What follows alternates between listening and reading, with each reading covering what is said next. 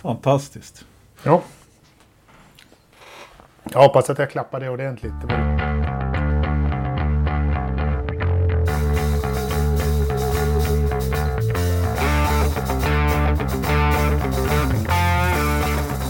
Men då kör vi igång nu. Välkommen till Forsa-podden avsnitt 137 den här måndagen när vi spelar in. Som vanligt med Engelmark, Lövström och Ridderstolpe. Och idag har vi en gäst faktiskt. Direkt från Automotor und Sport. Joakim Oj. Dyrendal. Ja, ja, sehr, danke sehr, danke sehr. Välkommen. Eh, tackar så hjärtligt, trevligt att vara här. Ja. Eh, Eh. jag brukar säga att jag jobbar på automotor och sport för att differentiera mig från att jag inte är tysk då. Ja, Automotor och Sport. Jag diskuterade det där med en god vän häromdagen egentligen. Hur... Ja, Men då såg vi att det är ett och-tecken på svenska titeln. Men eh, ja, stämmer. det stämmer Det är bra. den lilla, lilla skillnaden. Du, Men, du, men, du, men, men du valde ändå att säga det tyska, eh, Jakob. Jag ville på det- något, eller något vis vill jag visa upp att det här avsnittet ska jag försöka strama upp. Att det ska vara Ah. ordning och reda. Eh, Joakim, eh, de, jag tror de flesta som lyssnar på podd vet vem du är. Men berätta lite om din, din bakgrund. Eh, ja, eh, motorjournalist då sedan 1999 är det väl. Så det är något år sådär. Eh, och sen eh, är man ju, ja det kommer väl med, med bilintresset så är man ju eh, motorsportsintresserad. Och sen på senare år så har jag faktiskt haft förmånen, får jag väl kalla det, att eh, cirkulera med STCC-cirkusen och kommentera racing på eh, banor inför publik men förra året inför eh, tv istället. Mm. Det där har aldrig Alltså, hänt. kla- Siri, vem är hon? klassisk, klassisk poddgrej liksom. Ja. Men, man ha eh, telef- vart började, Telefonen vad på. började Först- med 99 då? Hur, vart började resan? eh, det var på Teknikens Värld. Mm. Eh, det brukar ju vara inkörsporten till svenska motorjournalister. Man börjar Ja. där. Ja. En del blir kvar, andra går vidare. till, till tyngre droger. Ja, exakt. Eh, sen eh, var jag väl frilans lite varstans eh, i några år där. Ja. Eh, var jag tidig på webben så jag gjorde bilnyheter för bytbil.com som var stora på den tiden. Ja, Och Autoscout 24 och allt vad det var då. Oj. Ja. Eh, hade du någon koppling till förlagan till den här podden Forsamotorsport.se? Nej. Nej. Då, Nej. då kan du inte varit så motorintresserad kära du. Nej. Nej, precis. Nej, jag, nej det, du, men det kom efter tiden där. Ja, Ja. men sen har jag varit på eh, Top Gear Magazine också. Jag Just var det. chefredaktör till och med. Ja. Mm. Ja. Sådär. Jättekul att ha dig med. Vi, vi har ju lite så här grundfrågor. Men jag tänkte först Teknikens Värld bland våra första avsnitt där vi presenterar oss själva av allting. Det, de flesta hade ju gemensamt. Det var ju när man var liten och Teknikens Värld och P.O. Källström. Mm. Fick du jobba något med honom? Ja, det hade jag förmånen att göra. Han, eh, han ja, bra racing-anekdot där för övrigt. Ja, få höra. Eh, vi eh, var ju väldigt aktiva på STCC redan då, 99, så vi åkte ju runt på alla race med Teknikens Världstält där och Mm. sålde tidningar eller gav bort tidningar. I en Fiat eh, Multipla, den där snygga Ja. Farmer Anka-bilen. Mhm.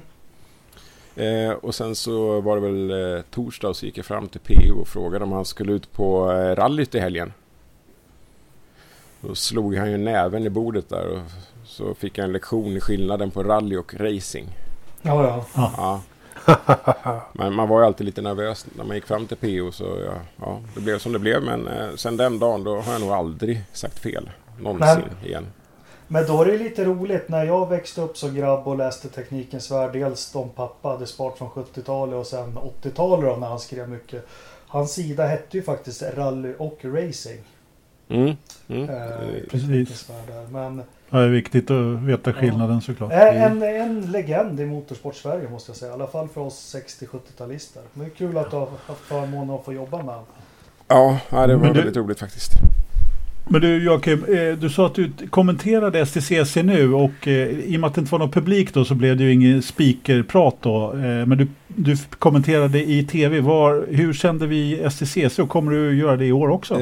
Ja, det är väl 99% klart att jag gör. Och det blir på STCCs hemsida så finns det STCC Plus. Det är som... Okej. Mm, ja. Så man, just det, man kör en egen variant där. Man, Ja, eh, exakt. Så, eh, som, man, som man sänder ut. Ja, Mm. precis. Mm. Ja, det är bra. Så, så har vi det klargjort också. Ja. Då kanske vi får be om lite tips sen. Vi har ju förmånen att kommentera ett sex timmars lopp en gång per år. Men, eh, vi är uppskattade kommentatorer men lite tips kanske. Men det kan vi ta när vi har stängt av räckknappen. ja, precis. Ja. Ja, för sånt är ju hemligt så det ska vi inte... Nej, Precis, och vi, Ja, vi precis. vågar inte fråga Janne heller tyvärr. Eh, så vi får fråga dig då. Eh, Ja, exakt. men, men Lite ja, lägre ribba. Eh, det kommer komma ut ett magasin här i handeln och lite överallt eh, i dagarna. Och för vilket år i ordningen är det? Oj. Eh, hur länge har det funnits egentligen? Jag har i alla fall producerat det sedan 2014. Började Mm. jag. Mm. Eh, och då hette det ju bara F1-magasinet. Men eh, sen var det ju två svenska grabbar som fick för sig att de skulle köra Indycar. Mm. Så eh, sen dess så heter det ju och Sport Edition F1 och Indycar-magasinet. Och sen ett årtal efter det då. Så då är det ju 2021 som kommer ut i år då om jag har räknat rätt. Ja, det, det låter som du är på något där. Och, Ja, eh, jag fick ju faktiskt ett skickat till mig från dig. Var det förra eller förra, förra året? Och jag köpte förut. Och eh, får man säga att jag har fått en liten förhandstitt på det också i år. Ja det har ni väl fått allihop i Ja. digital eh, version då. Och det är en fantastisk produktion eller produkt eller tidning eller vad man än ska kalla det.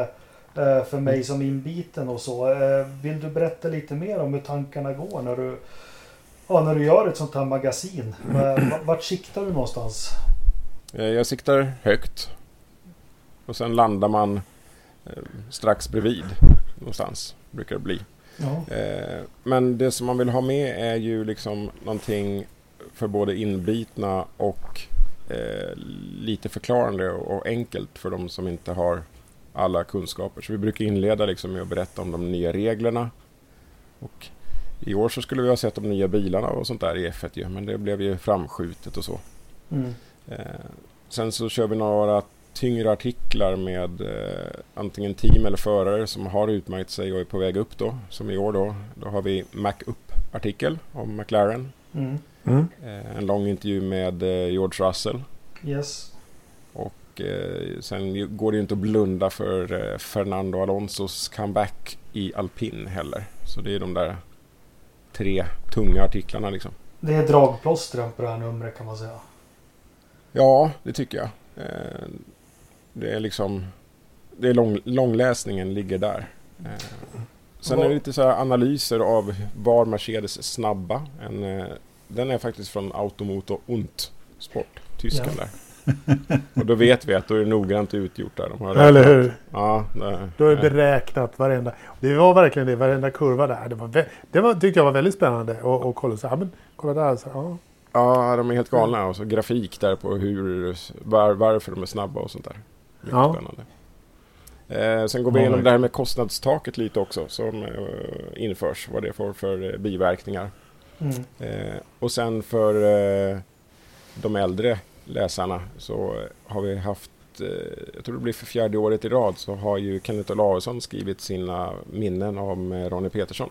Just det. Ja. Precis. Eh, de blir bara smasker och smasker de där minnena tycker jag.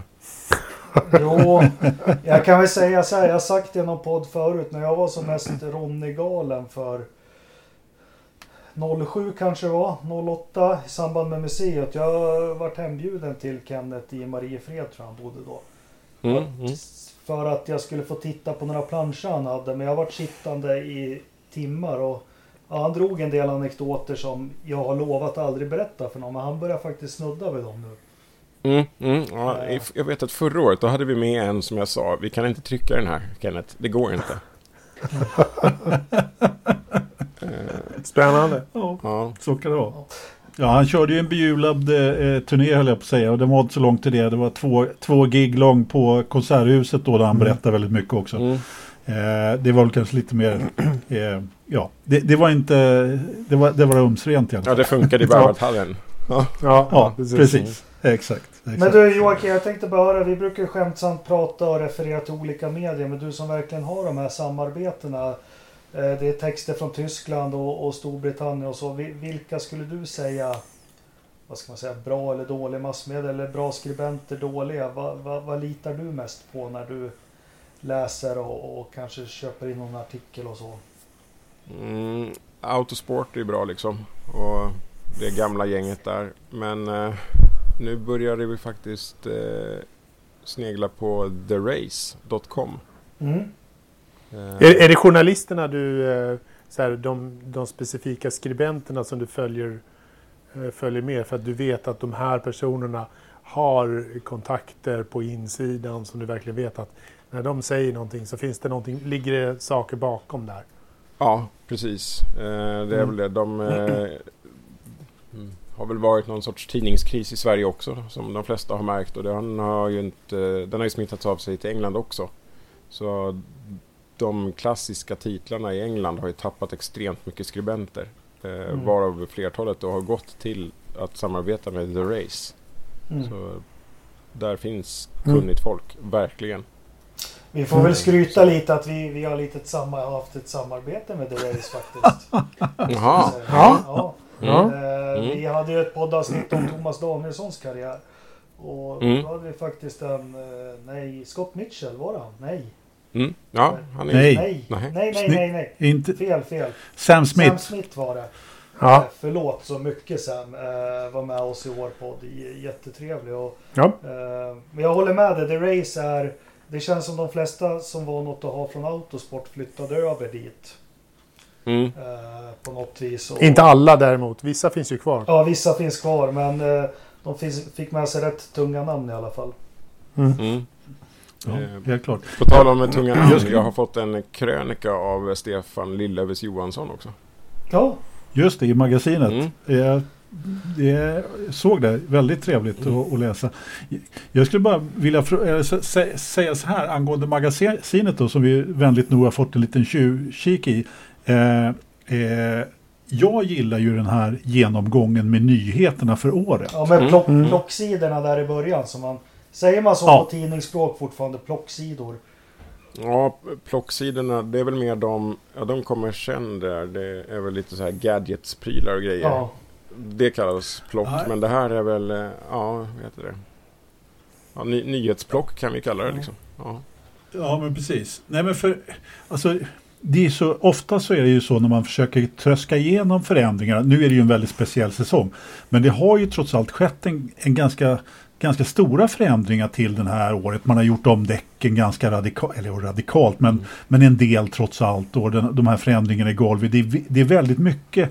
Och det är, även om man läser då F1s tekniksida så är det väl kanske inte så Ah, och så är det tekniska termer på engelska som man kanske inte alltid riktigt har exakt full koll på. Så en uppradning där på svenska, det uppskattar jag i alla fall mycket. Jag hade för övrigt eh, en grej så, som står där som jag inte riktigt hade snappat upp var ju den här ändringen med eh, att man väljer däck. Att man inte får välja däck längre. Nej, jag vet. Den, Som man, som man tog bort. Den hade jag missat faktiskt. ja, den har det inte talat så mycket alls om. Men Nej, precis. efter att ha sett, eh, vilket vi kommer att prata om sen då, eh, de försäsongstesterna här, så känner jag att jag hade velat ha med Ted Kravitz som skribent. Eh, Ja, och hur han förklarar eh, det nya golvet med sin ostbit. Ja. eller hur? Ja, fantastisk intervju med Sebastian Vettel. Alltså det, det här må- måste ju varit det bästa från hela helgen. Want some cheese? Alltså, Fast det här, är det vill inte så att Sebastian Vettel, även har jag läst någonstans, är eh, bekymrad på sin fritid över överkonsumtion. Jag tror han jobbar rätt mycket med det. ja, det, har jag också läst. Ja, Eh, eh, så jag tycker att han svarar ganska bra. Vad, vad fan håller du på med? Klipp ut ett papper istället. Eller så äter du upp Mm. Mm. Ja, det vi refererar till är alltså en intervju som, som eh, Ted Kravis går fram till Sebastian Vettel i depån efter, här efter testen och ska göra en intervju varvid han har en ost i näven och Sebastian Vettel direkt börjar fråga vad han håller på med angående osten. Ja. Mm. Så. Och sen tvingar nästan Fettel honom att äta upp osten som då har legat ute i ökenvärmen hela dagen. Eller hur? Jättemysigt. Ja, det är bra. Underbart. Men du, i, i jobbet med det här, vi kan väl ta både Formel 1 och, och, och Indycar som du går igenom i, i det här magasinet, eller ganska grundligt. Var det någonting som eh, vart aha-upplevelse för dig inför kommande säsong, eller något att hålla ögonen på, eller ja, som du tycker är lite extra intressant? Ja, men det är väl... Eh, dels i F1 så är det ju kostnadstaket som jag tror... Det låter så tråkigt och man förstår inte riktigt. Och det är ju ändå fortfarande sådana fantasisummor. Så att Mm. det, liksom, det går inte att sätta i perspektiv till någonting.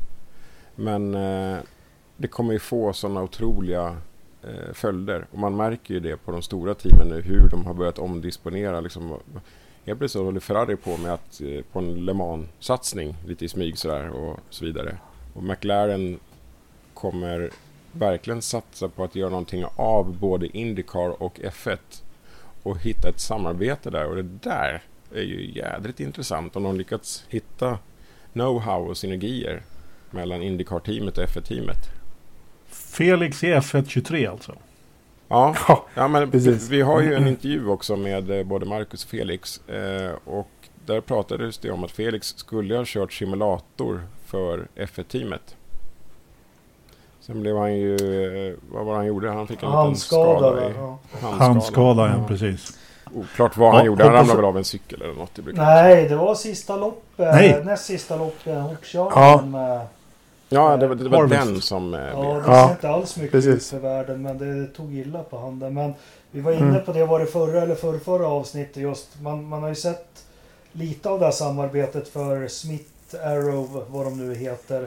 De skruvar Mm. ju på såna här grindar på Indycar när de testar som man har i Formel 1. De här stängslen. Mm. De Mm. hette Arrow och det, det där tyckte de var väldigt konstigt i Amerika. Mm.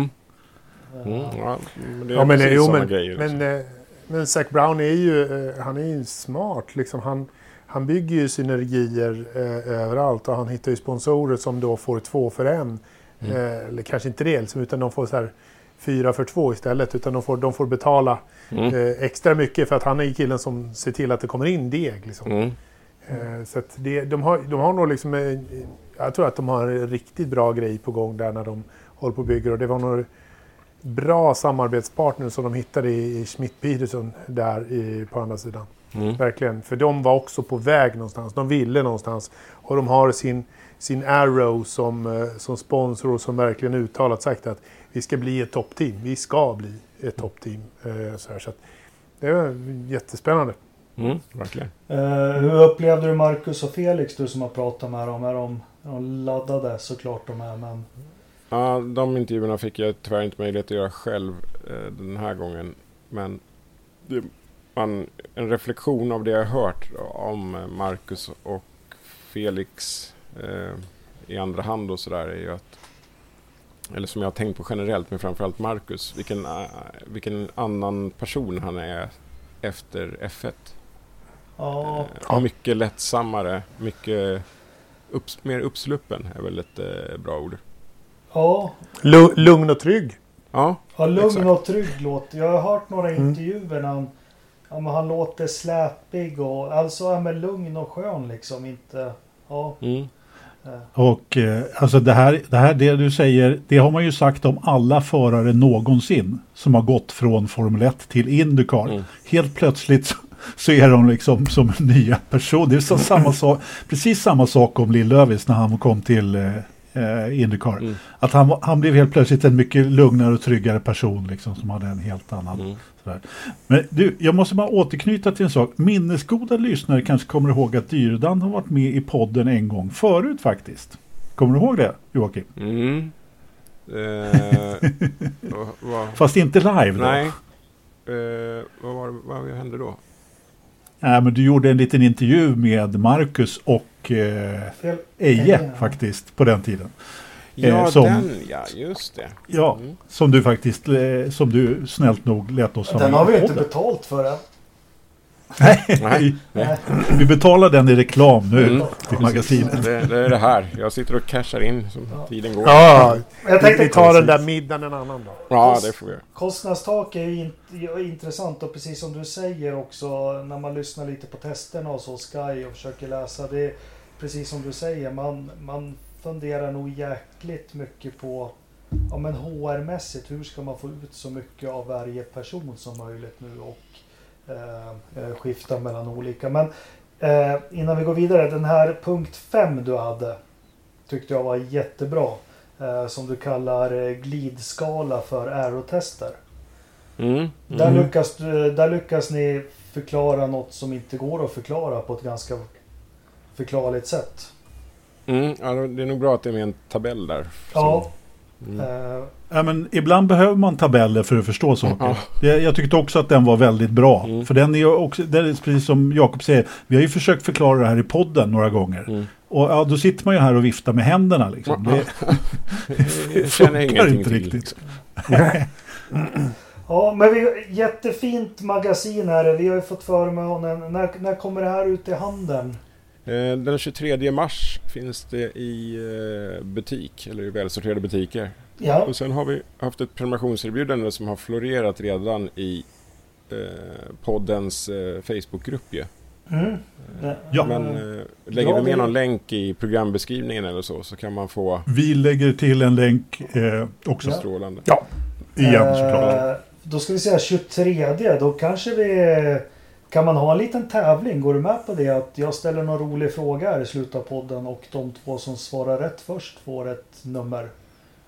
Ja, det tycker jag vi kör. Ja, Ja, då kör vi det. Då, då Ja. håller jag käften nu och funderar ut någon fråga då. Nej, du ska tippa också. Ja, Jag ska Ja, tippa också. det- Precis. Vad bra. Det, det har vi bestämt. det har vi Mm. bestämt, ja. Eh, det har- Vem ska de mejla då? De mejlar dig Jakob va? Ja. Eh, De får Ja. göra det på... Det kör vi öppet på Facebookgruppen. Sen får de, eh, sen får de eh, skicka ett PM till Facebookgruppen med vilka adressuppgifter de har. ja, det blir mycket enklare. Men redan nu säger vi vinnare är Ridderstolpe och Lövström. Det blir ganska... Åh! Smidigt, smidigt. Eh, testerna Of- drog igång Oväntat. i fredags. Eh, har ni följt dem? Mm. Ja, hyggligt. Alltså- Hyggligt. Det har varit så jäkla mycket skidåkning i helgen. Så Nej att, men eh, alltså du får ju lägga av med det där. Det finns ingen snö längre. Det var ju Jo. ökenstorm, det är sandstorm. Skidor funkar inte. Vi har haft den här diskussionen i månader. Lägg ner. Norrmän, estländare och finländare håller på med skidor och rally. Ja, ja, förlåt. Mm. Jag ska aldrig göra om det. Så, nu är vi klara med den här punkten. Har du sett några Formel 1-tester? Ja, Ja, precis. Det var alldeles Lite. rätt svar på. Du såg, du såg väl Ted Kravitz och, eh, Kravitz och, och ost? ja det gick inte att undgå. Det gick inte att undgå. Nej men vad, säger vi för att dra igång det? Vi skulle ju tippa så. Jag har försökt fördjupa mig så mycket igår. Dels min egen lilla kompetens jag har.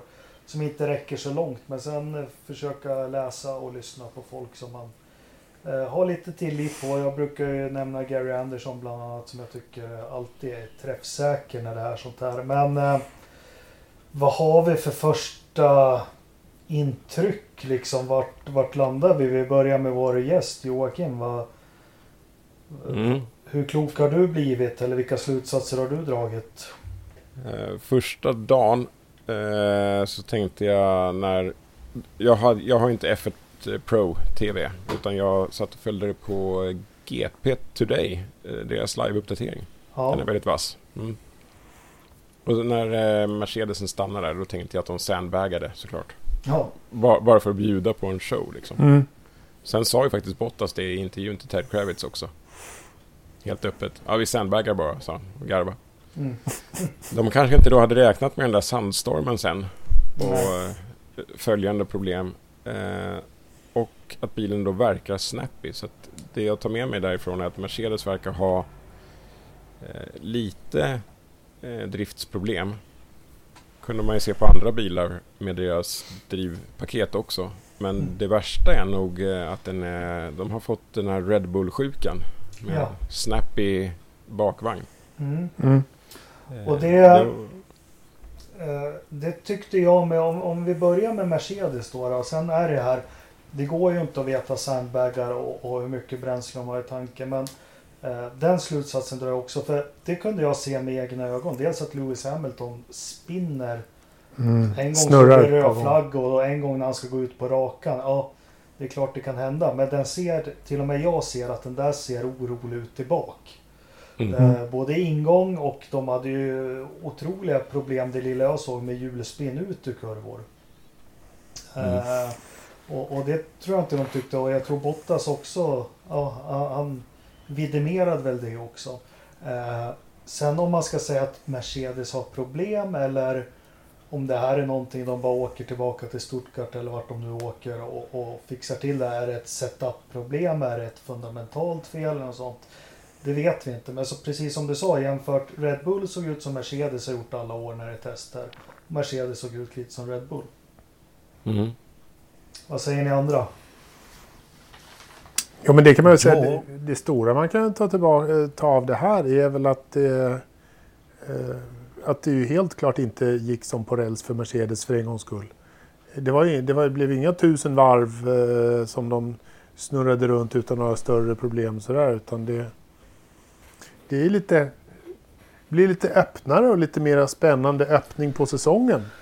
Eh, kan man väl hoppas och förvänta sig. Liksom, bara för det, som du sa Jakob, Red Bull verkade ju ohyggligt stabila och, och lugna när, när det kom till, det, till de här testerna äntligen.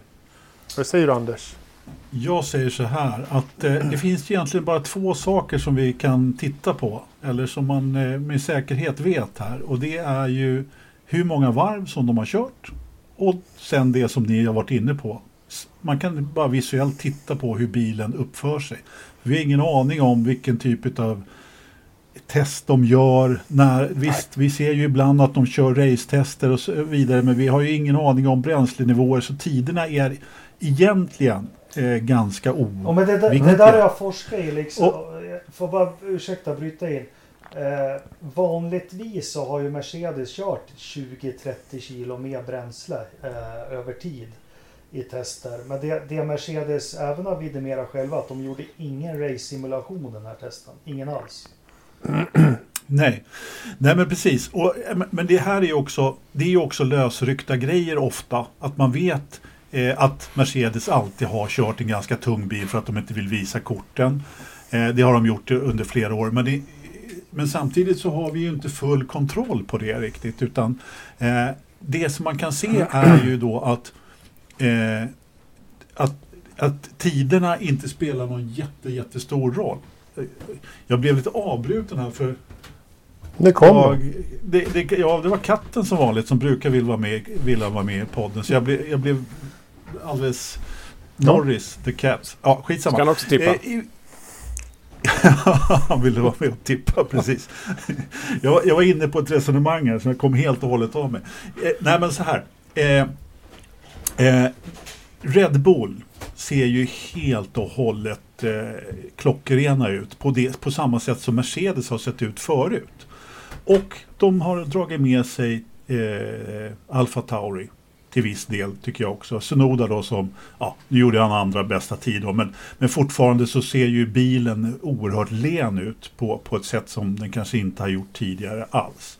Och då Mercedes eh, eh, eh sladderhäck helt plötsligt som spinners, precis som ni säger. Det, det är ju de stora grejerna som man kanske tar med sig eh, på det sättet. Sen McLaren. Vi kommer, Ja. vi, vi ska köra stall för stall Anders. Jag Ja, tänkte vi kan vi göra definitivt. Det var- mer Vi övergripande. börjar med Merca, men eh, avsluta Merca då. Jag bara kommentera. Jag tror inte att de är i, i, har stora problem med någonting. Nej, det gick kanske inte precis det här testet som de ville. Eh, var det 2018 eller 2019 de också oj, oj, oj, det är katastrof, det går inget bra. Och så kom de till Australien då och så var de en och en halv sekund snabbare på först på kvalet. Eh, jag tror att Jo. bilen är fundamentalt bra. Eh, eh, ja, jag räknar inte bort dem. Vad säger ni? Nej, men det är klart att man inte räknar, det går inte att räkna bort Mercedes, det är ju självklart. Men det är ju, precis som ni också sa innan, att det, det, det ger ju ytterligare lite spänning till starten. Så är det. det är Ja, ja men precis. Till, till den första halvan av säsongen så tror jag att det eh, kommer bli mera tajt än, än vad det var de senaste två åren. Sådär. Men eh, i det långa loppet så, så tror jag ändå att Mercedes ror hem det här. Vi, vi, liksom. Men, eh, men den är ju inte, den är inte, den är inte lika stabil tydligen som, som tidigare. Dels är det ju det här med drivability som ni säger och så är det väl frågetecknet med växellådan eh, som verkar vara, verkar vara någonting där. ja. Men det löser de. Men, men jag tänkte du Joakim, som vi pratade om det innan vi tryckte på räckknappen och översätta från engelska och allting. Och en del jag har inte riktigt förstått. Men något som är gemensamt för alla som har kollat som har stått på banan och tittat. Det har varit otroligt besvärliga vindar. Eh, Mm. Sidvindar. Alltså fruktansvärt besvärliga. Det här märker vi aldrig på TV. Och eh, där säger de att Mercedes frammände att de eh, använder aerodynamiskt väldigt mycket outwash. Eh, Mm. Jag förstår inte riktigt vad som menas med det. Jag förstår väl att de vill ha luften åt något håll. Eh, och med de vindförhållanden som var den här testhelgen så vart de extremt sårade av dem. Ja, det där outwash. Det kan man ju se nu när de har fått de här nya golven. Och det är här tydligen problemet är lite. Eh, om vi tar den här ostbiten igen då. Kommer vi prata i evigheter om det här. De har ju huggit ut som en triangel i bak. Eller liksom bilarnas golv går ju inåt. Eh, Mm. Innan slutade det nästan i ytterkant med bakhjulen. Men nu är det ju att det slutar vid insidan av bakhjulen. Mm. Den lilla triangeln där som är borta har ju straffat Mercedes som inte kör en high rake-bil som Red Bull-bilarna, alltså med en hög bakända. Mm. Eh, och den triangeln har varit så viktig för deras Mercedes långa hjulbas också. Ja, Eh, att ge stabilitet i bilen. ja. När de inte har kvar den, eh, då har vi sett hur alla team har gjort eh, golvet vågformat och små, små staket och stängsel uppe på den här golvytan som ligger plan eh, utanför motorkåpan. Och de här små stängslarna där, det är en del av det här outwash-systemet. Man puttar undan luften utanför bilen så att det inte smutsar till runt hjul och runt motorkåpor och sånt där. Att man får en, de fina luftströmmarna runt bilen som skapar downforcen på rätt ställen istället för att göra den orolig. Liksom. Det här är också problemet som gör eh, som vi kommer att få bort nästa år då. För att det här är ju, skapar ju också smutsig luft bakåt. Eh, det här, det, liksom allt det här man gör då för att få just trycket, luften på rätt ställe gör ju att luften blir ännu sämre bakåt. Så att man inte kan ligga nära en Hörde ni bil. Grejen om Williams där? ja, de När- satsar på var det Peak Arrow. De, eh, de, de ska ha... Det har ju blivit modeord också, men de bygger väl en bil som lite som Mercedes. Istället för att bygga en bil att vi ligger alltid i trafik och vi ska klara smutsig luft. Så har väl de byggt en som verkligen ska pika aerodynamiskt. Och, ja. Eller hade- tänkte du på något annat? Ja, det var väl snack om att det var svårt att ligga bakom Williams-bilen. Det Ja, var där det- som Red Bulls motorkåpa flög all världens väg. Och eh, Just det. det. var fler förare som hade sagt att när de kom in bakom Williams-bilen så bara det blev helt svårkört direkt. Det är väldigt intressant. Ja. Men då Ja. förstår man ju Men- verkligen hur mycket aerodynamiken, alltså vingbilar om vi kallar dem det. Alltså när de störs av sidvindar på det här sättet och av den smutsiga luften bakom andra bilar. eh, Samtidigt som de är så väldigt tekniska så funkar de ju bara i ett väldigt smalt fönster liksom, Ja. där allting är perfekt. Eh, och det är väl det också de pratar om som har varit, eh, som jag försöker förstå mig på, att det här med att ha bra, bra aerodynamik. De pratar mycket om peak, alltså det kanske Mm. inte är bäst att ha den högsta, bästa aerodynamiken och, och högsta downforcen. Eh, utan det gäller att få den att funka och ha ett ganska stort fönster där det funkar. Och tydligen var det väl det som var problemet med Red Bull-bilen förra året. Men då gör vi en sån här liten snygg övergång. och snackar Red Bull, för jag håller med vi har varit in lite på det. Det jag kunde se när jag satt och glodde på testerna så kändes det som Max och och Checo gick på lite olika testprogram och så. Max han var ju... Eh, ja men han, han, han pushar ju hela tiden och så medan Tjecko kanske tog hand om lite andra saker eller såg jag fel? Nej, men det är väl också ganska tydligt att, att det är Max som är försteföraren. Eh, så även i år. Och att han i år verkligen fick det tydligt fördelat till sig redan på testerna. Så att Tjecko fick eh, veta att det här är andra fiolen du spelar. Inget mer än det. Mm. Jag tror att det har mer att göra med att eh, herr Perez inte har kört bilen tidigare och kanske behöver göra lite andra typer av tester. Eh, att Max är första förare, det behöver han inte. Det, det vet han. Det, Det- han är, det, det, det är han redan i sitt ego så att det är liksom inga konstigheter där.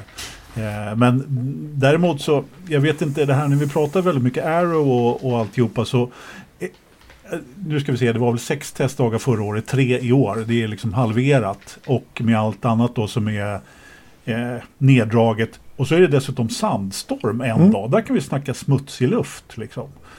Det gjorde ju kanske inte saker och ting bättre för de som behöver de här dagarna. Och, eh, som, jag Nej, vet inte, nu, just Red Bull som vi pratar om nu då, de, de var väl de som har sett bäst utåt tillsammans med sys, systerteamen. Det kan ju vara några som har, får problem här efter. Williams chillade och gav bort en eh, testdag till Ja. istället. ja, Men vad, vad, vad, dummaste. vad tror du då Joakim? Det är jag är inne på. Jag tror inte det har med första eller andra. Jag tror de kör, det var på olika program. Eh, Checo och eh, Max eh, tyckte jag kändes ganska tydligt. Du såg aldrig någon varv riktigt där Perez pushade som Max gjorde mest hela tiden. Ja, nej, jag, jag hoppas att att det är den eh, grejen i alla fall. Att eh, de har fått två, två olika program liksom. Eh, du, Tjecko ska ligga och vara konstant och hitta mätdata liksom så att Mm. de kan korrelera där hemma i vindtunneln. Mm. Eh, men på tal om Red Bull så måste jag direkt säga att det är jädrigt skönt att ha tillbaka en stor fet Honda-logga på vingen där. Ja, Är det? eller hur? Ja, Ja, det är rätt skönt. det Håller är med. underbart. Känns bra. Jag tror att... Och det är väl ändå kanske den, eh, den om det har varit samstämmigt att Mercedes har haft problem i rapporterna så är det också samstämmigt att Honda-motorn verkar bra. Mm, Mm. mm. Så att eh, det ska bli väldigt intressant om de vinner VM och sen slutar igen. då. Eller inte slutar. Ja, men vi, vi, vi har ju sett det här förut, eller hur? Eller hur? Ja. Historien eh, upprepar sig med Brån där. Där vet Ja. man inte, alltså så, återigen, vi vet ju ingenting men kollar man speedtrappen och så så, ja, där, där toppar de ju inte. Nej, men vi får väl se. Nej. Eh, och det är lika de som står vid banan ser ju bättre än vi på TV alltså hur de har ställt in dem med harvesting och hur mycket de ska ladda ur batteriet och sånt. Alltså, man sitter där vid skärmen, man vet ju ingenting. Vem var det som eh, toppade speedtrappen? Var inte det Alfa Tauri? Nej? Jo, kanske det var då. Jo. Ja. Eh, det var dag två jag kollade. Eh, då tror jag det var Ricciardo faktiskt. Okej, jag tror det var totalt var det en, Jag fick för mig att det var eh, Alfa Tauri som toppade. Ja, men det, de hade tagit bort lite vinge. Det hade inget med motorn att göra. Nej, skämt åsido. De, hade, de, hade kört, de hade kört bakom Williams. Ja, de hade Ja, kört bakom Williams. Precis. Men gick det inte några rykten om också att de hade gjort något... Alfa Tauri hade väl hållit på och trixa lite med DRSen va? Jo, Tsunodas eh, varv som gav honom näst snabbaste tiden totalt. Där körde han ju med DRSen. Eh, han öppnade 170 meter före eh, märket. Ja. Och körde även med DRSen öppen på flera platser. eh, Eller eh, på banan där man inte kan ha den öppen egentligen. Men det var inget fel i det för det här är ju test så då finns det inga DRS-regler. Och DRSen gav som mest på den här banan 29 km i timmen tror jag. Jaha. Mm. Vilket, vilket är rätt, rätt mycket. Ja, och det var också en sak man hörde analysen också. De, var, eller de funderade över Hamilton. Ja, men det är sånt där man inte upptäcker själv. Men han kanske öppnade en halv sekund senare och stängde tidigare. Och, ja, allt sånt där.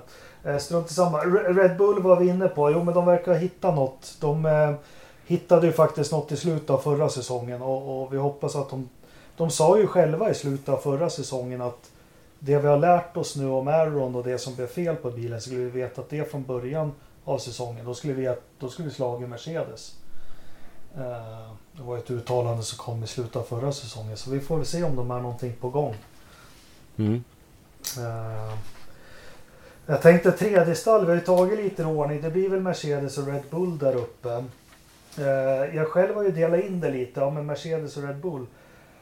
Sen säger en del att det finns ingen mittfält, det finns bara ett fält i år. Men sen har jag tagit tre stall, nu får ni säga om ni håller med eller inte, som kommer därefter. Och det är McLaren, Aston Martin och Alpin.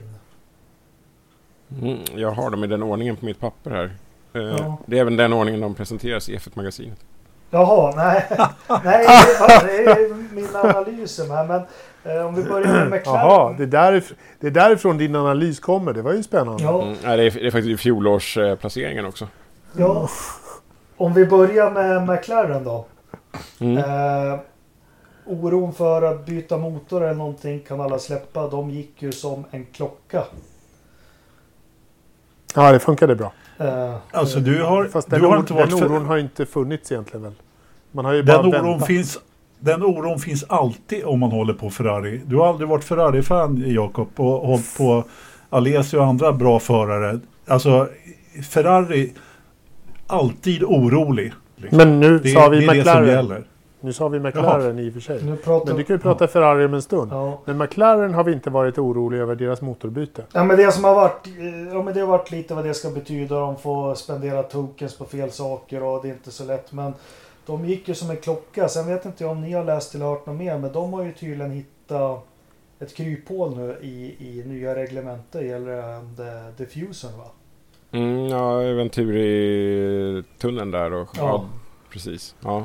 Eh, och, och som jag läste att nu lär det tittas på bilder för fulla muggar fram till första racet. För där verkar de ha hittat något ganska rejält. Mm.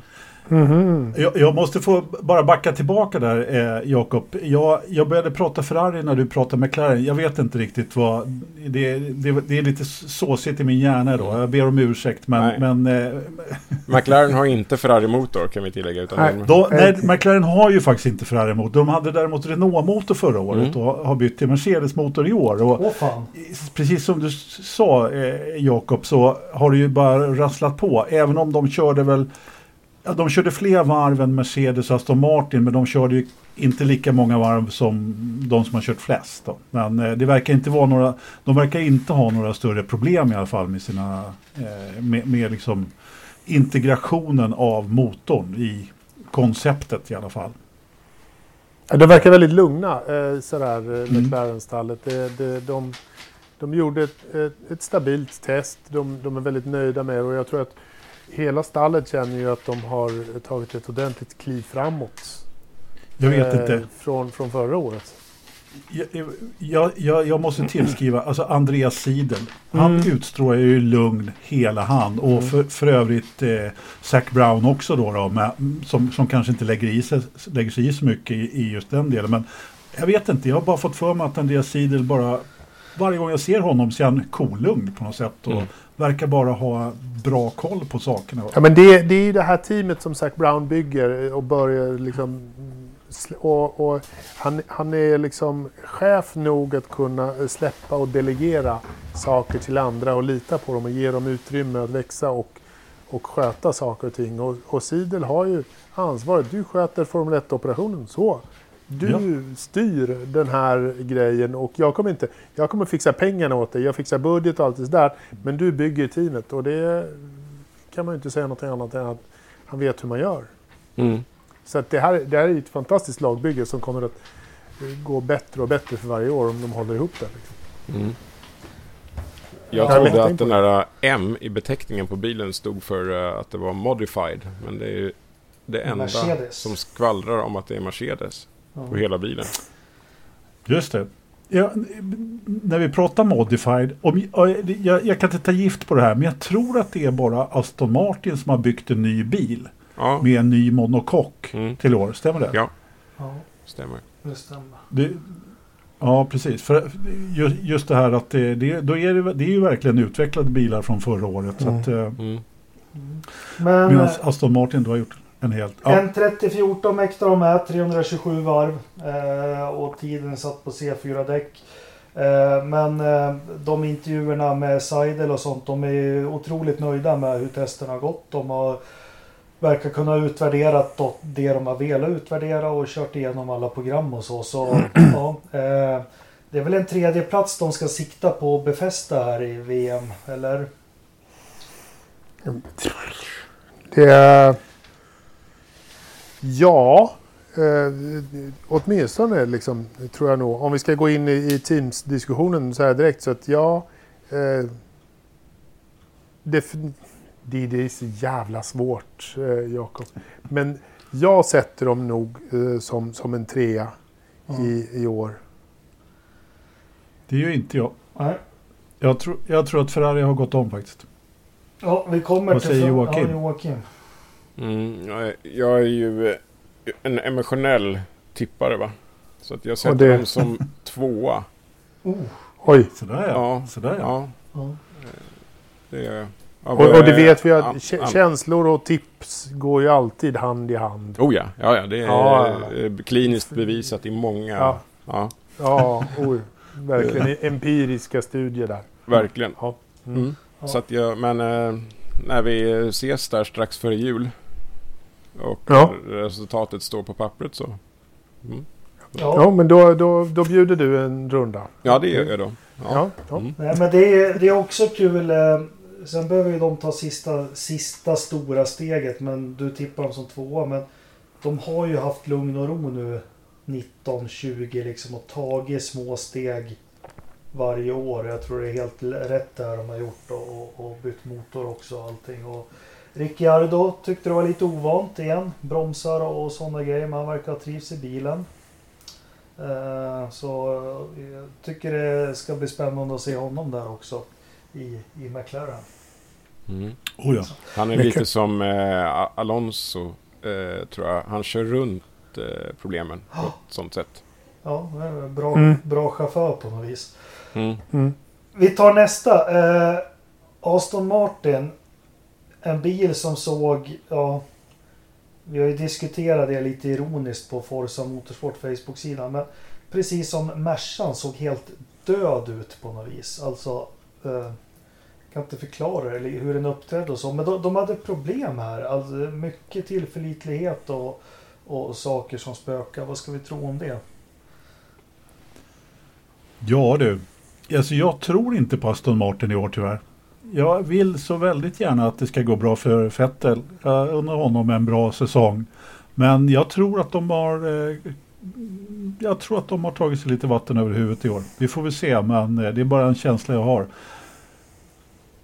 Kan vara... Ja, nej jag vet inte. Vad säger ni andra? Mm. Nej, jag tror, jag tror att det, det kommer gå bra. Eh, Jag tror att problemen tillskrivs mer Mercedes än, än, än någonting annat. Eh, Och, och jag, eh, jag känner mig rätt, rätt lugn med, med Sebastian i, i teamet att han kommer att, han kommer att leverera riktigt bra. Han, han kommer att eh, vara, vara tillbaka på en ganska hög nivå Mm. från, från bottennappet förra året. Vad säger du? Ja, jag är orolig för eh, Aston? Martin. Jag är också inne på den här vatten över huvudgrejen. De har haft så stora radikala förändringar. Eh, alltså om man inte har hunnit eh, fokusera allt på bilen utan med nya lokaler och nytt namn och alltså det är otroliga förändringar. Och som du sa också, det är den enda riktigt nya bilen. Alltså Mm. de har en helt ny liksom, cockpit, hela, allting är nytt med nya sidepods, hela grejen. Kan ha blivit lite för mycket stora förändringar på en gång. Och eh, det som en gång var liksom styrkan i Force India Racing Point, att slåss med små medel, har liksom slagit bakut här på något sätt. Jag, jag, håll, jag håller med dig. Det måste vara svårt för om det så är ett Formel 1-stall eller ett litet företag i en bransch som alltid liksom har varit duktiga på att maximera och fått vrida och vända på varje krona eller euro eller vad det nu är och, och topp och så helt plötsligt så får man överflöd. Eh, har man samma skärpa då tro? Nej, precis. Där satte du det tror jag. Eh, Det var där. Nej, Eh, sen är jag också otroligt besviken på hur ful den var. Eller ful var den inte men. Eh, den såg inget bra ut i TV. Allt var rätt. Brett British Racing Green och allting. Men den, den gjordes inget bra i TV. Tycker du inte? Nej. ehm, skulle kunna... Vi bättre. kommer till det Nu ska här. inte jag... Nu, ja, nu ska inte jag snacka färger, men det där var inte British Racing Green. Nej. Jag, jag är visserligen färgblind, men så mycket. Jag, jag tyckte faktiskt att de var helt okej. men, Men det, ja. det är tv-versionen av eh, British Racing Green. För den måste Exakt. vara mycket Ja. ljusare. Ja. Ja. Det är som eh, Ferraris färger. Ja. Alldeles Ja. för Ja. ljusröda. Ja, ja, herregud, de var ju orange ett Ja. tag där. Men, ja, det var ju Jaguar, det har vi också tjatat om någon gång också, som eh, när de gjorde sin... De ville ju verkligen ha den här British Racing Green på sin bil och den fick ju namnet då British Television Green istället för Mm. att man liksom meckade om den så pass. Så det, det var lite mer djupare. Det här är en lite mer eh, jag säger, modern grön. Ja, nej, vi ska inte analysera. Jag Skitsamma. var på lanseringen av R3 där med Eddie Irvine. Mm. Ja, Ja, var du? kul. Mm. Jag har kvar en t-shirt. Den måste du ta kort på och lägga ut. Vart lanserar de någonstans? Var vi i London någonstans eller? Ja. Ja, Ja. Ja, dimmigt var det. ja, jo, ja.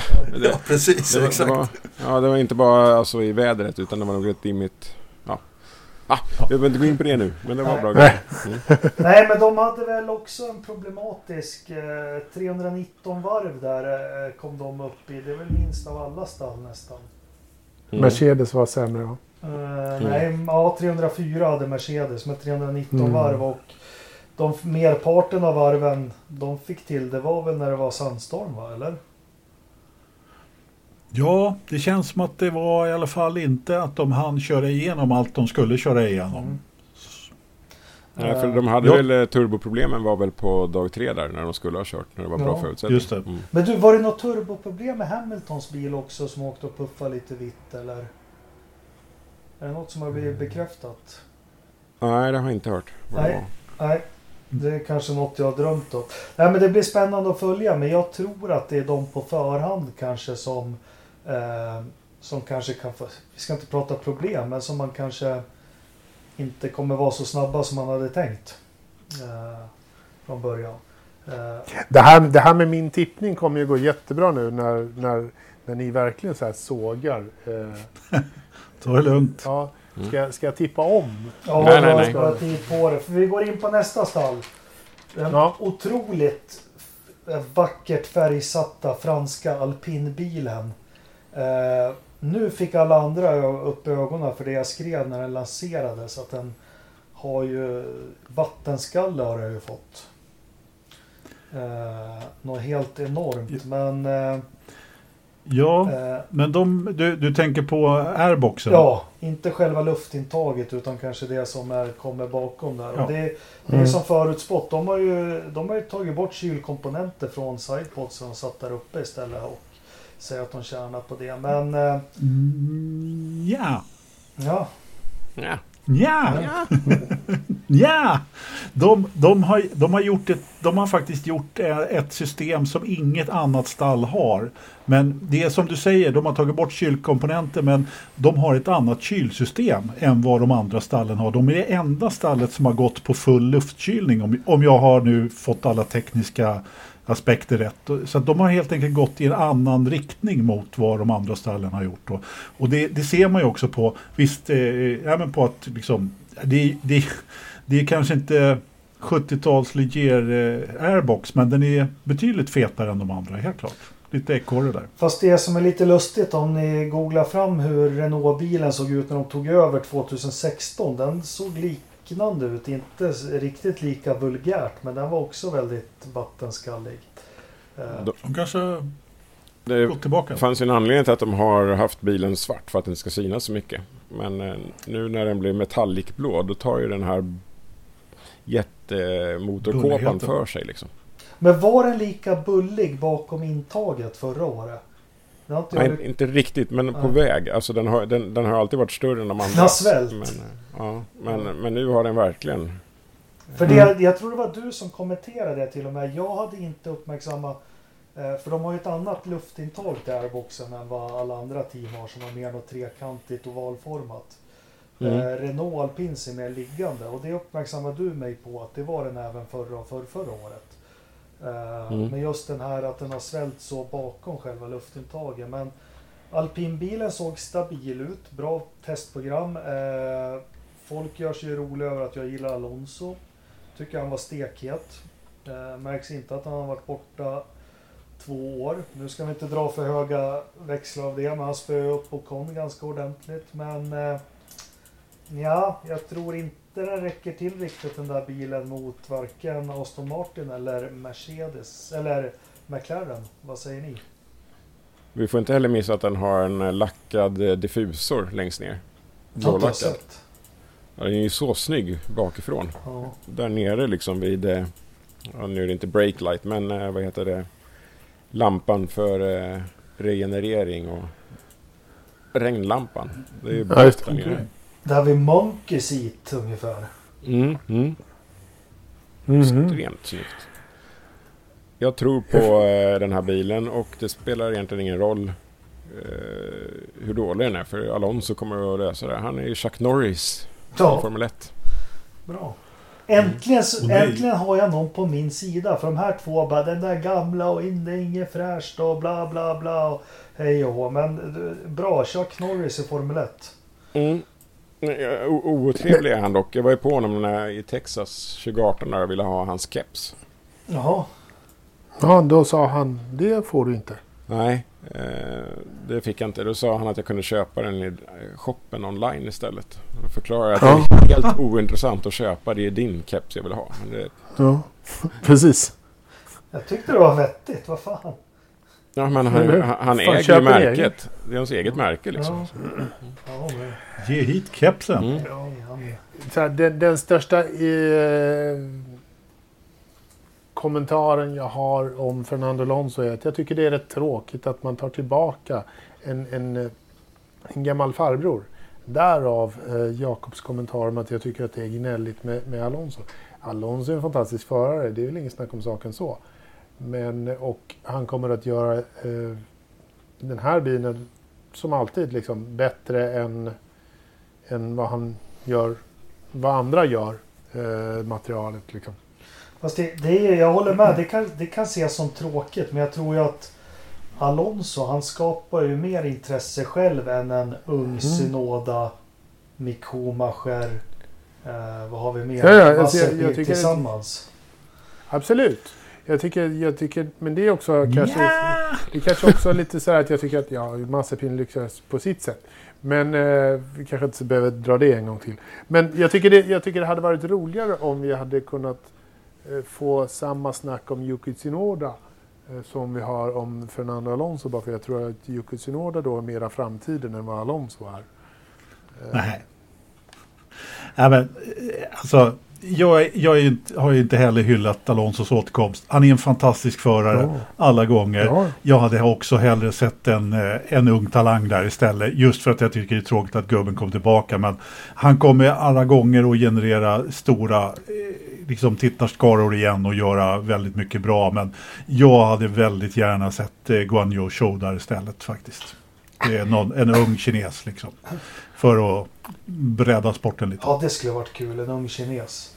I en bra bil. Ja, men, det är, men det är väl lite så här, det är väl det som är problemet. Det är väl därför han är... Alltså så här, det, alternativet, eh, alternativen var ju inte så bra som Alonso. Och då är det väl så att det är därför han är där. Liksom. Ja, men är det inte så att eh, eh, Så. så. alternativen, det finns inget alternativ som är så bra som Alonso. Nej. För han är ju ett säkert kort. Och det, Ja. där är någonstans ligger ju problemet. Och han är ett enormt namn och eh, liksom för alpin så blir ju han en fantastisk marknadspelare liksom. Ja, det är klart. Vad säger du Joakim? Så, det blev ju lite konstigt där att eh, när han kom in så var det ju fortfarande Renault. Och det fanns ju en, en, en väldigt fin saga i allt det här. Att han skulle komma tillbaks till Renault och Renault skulle bli världsmästare igen. Sen kom ju namnbytet till Alpin väldigt olyckligt. Liksom. Så den, den fina poesin i att eh, Renault mästare för tredje gången blir ju Lite sådär. Ja. Nej, men... de eh, som inte är djupt, djupt insatta, de tror väl då att Renault har lämnat sporten och att Alpin eh, bygger stereoapparater. ja, ja, ja, jäkligt bra bilstereoapparater också. Mm. Mm. Eh, så. Nej, men det jag tror, det man såg lite från testerna, vi ska inte dra, men eh, Chuck Norris, Formel 1 Chuck Norris. Nej, men jag tror inte det finns många andra i denna värld som kan pressa ut två, två och en halv tiondelar extra ur en bil än just Fernando Alonso. Jag tycker han har bevisat det under främst sina år i, hos Ferrari. Även i McLaren-bilen fast den var på dekis. Han, han fick ju lite till ur den. Och det är väl kanske det Renault behöver. Ja, Mm. kanske. Mm. Jag tror att det, det är, som många säger, liksom, han kommer att eh, röra runt i, i den där grytan. Och man är, i, ibland är man, eh, jag har hört folk lite elaka, de säger liksom att den första skalpen gick ganska snabbt när Cyril fick kicken efter att Alonso kom in. Eh, ja, det var nog kanske inte riktigt Alonsos förtjänst, sådär. men han kommer nog att röra runt i, i den där grytan och se till att det blir, blir någonting annat av det. Ja, han har nog rört ihop de tre, fyra år ordentligt. Ja, men det är väl en två, tvåårssatsning. Och eh, han har ju metall i käften också, men det påverkar han inte. Men eh, Renault-bilen, ja, jag tror Alonso kanske kan vara skillnaden mot deras femteplats förra året.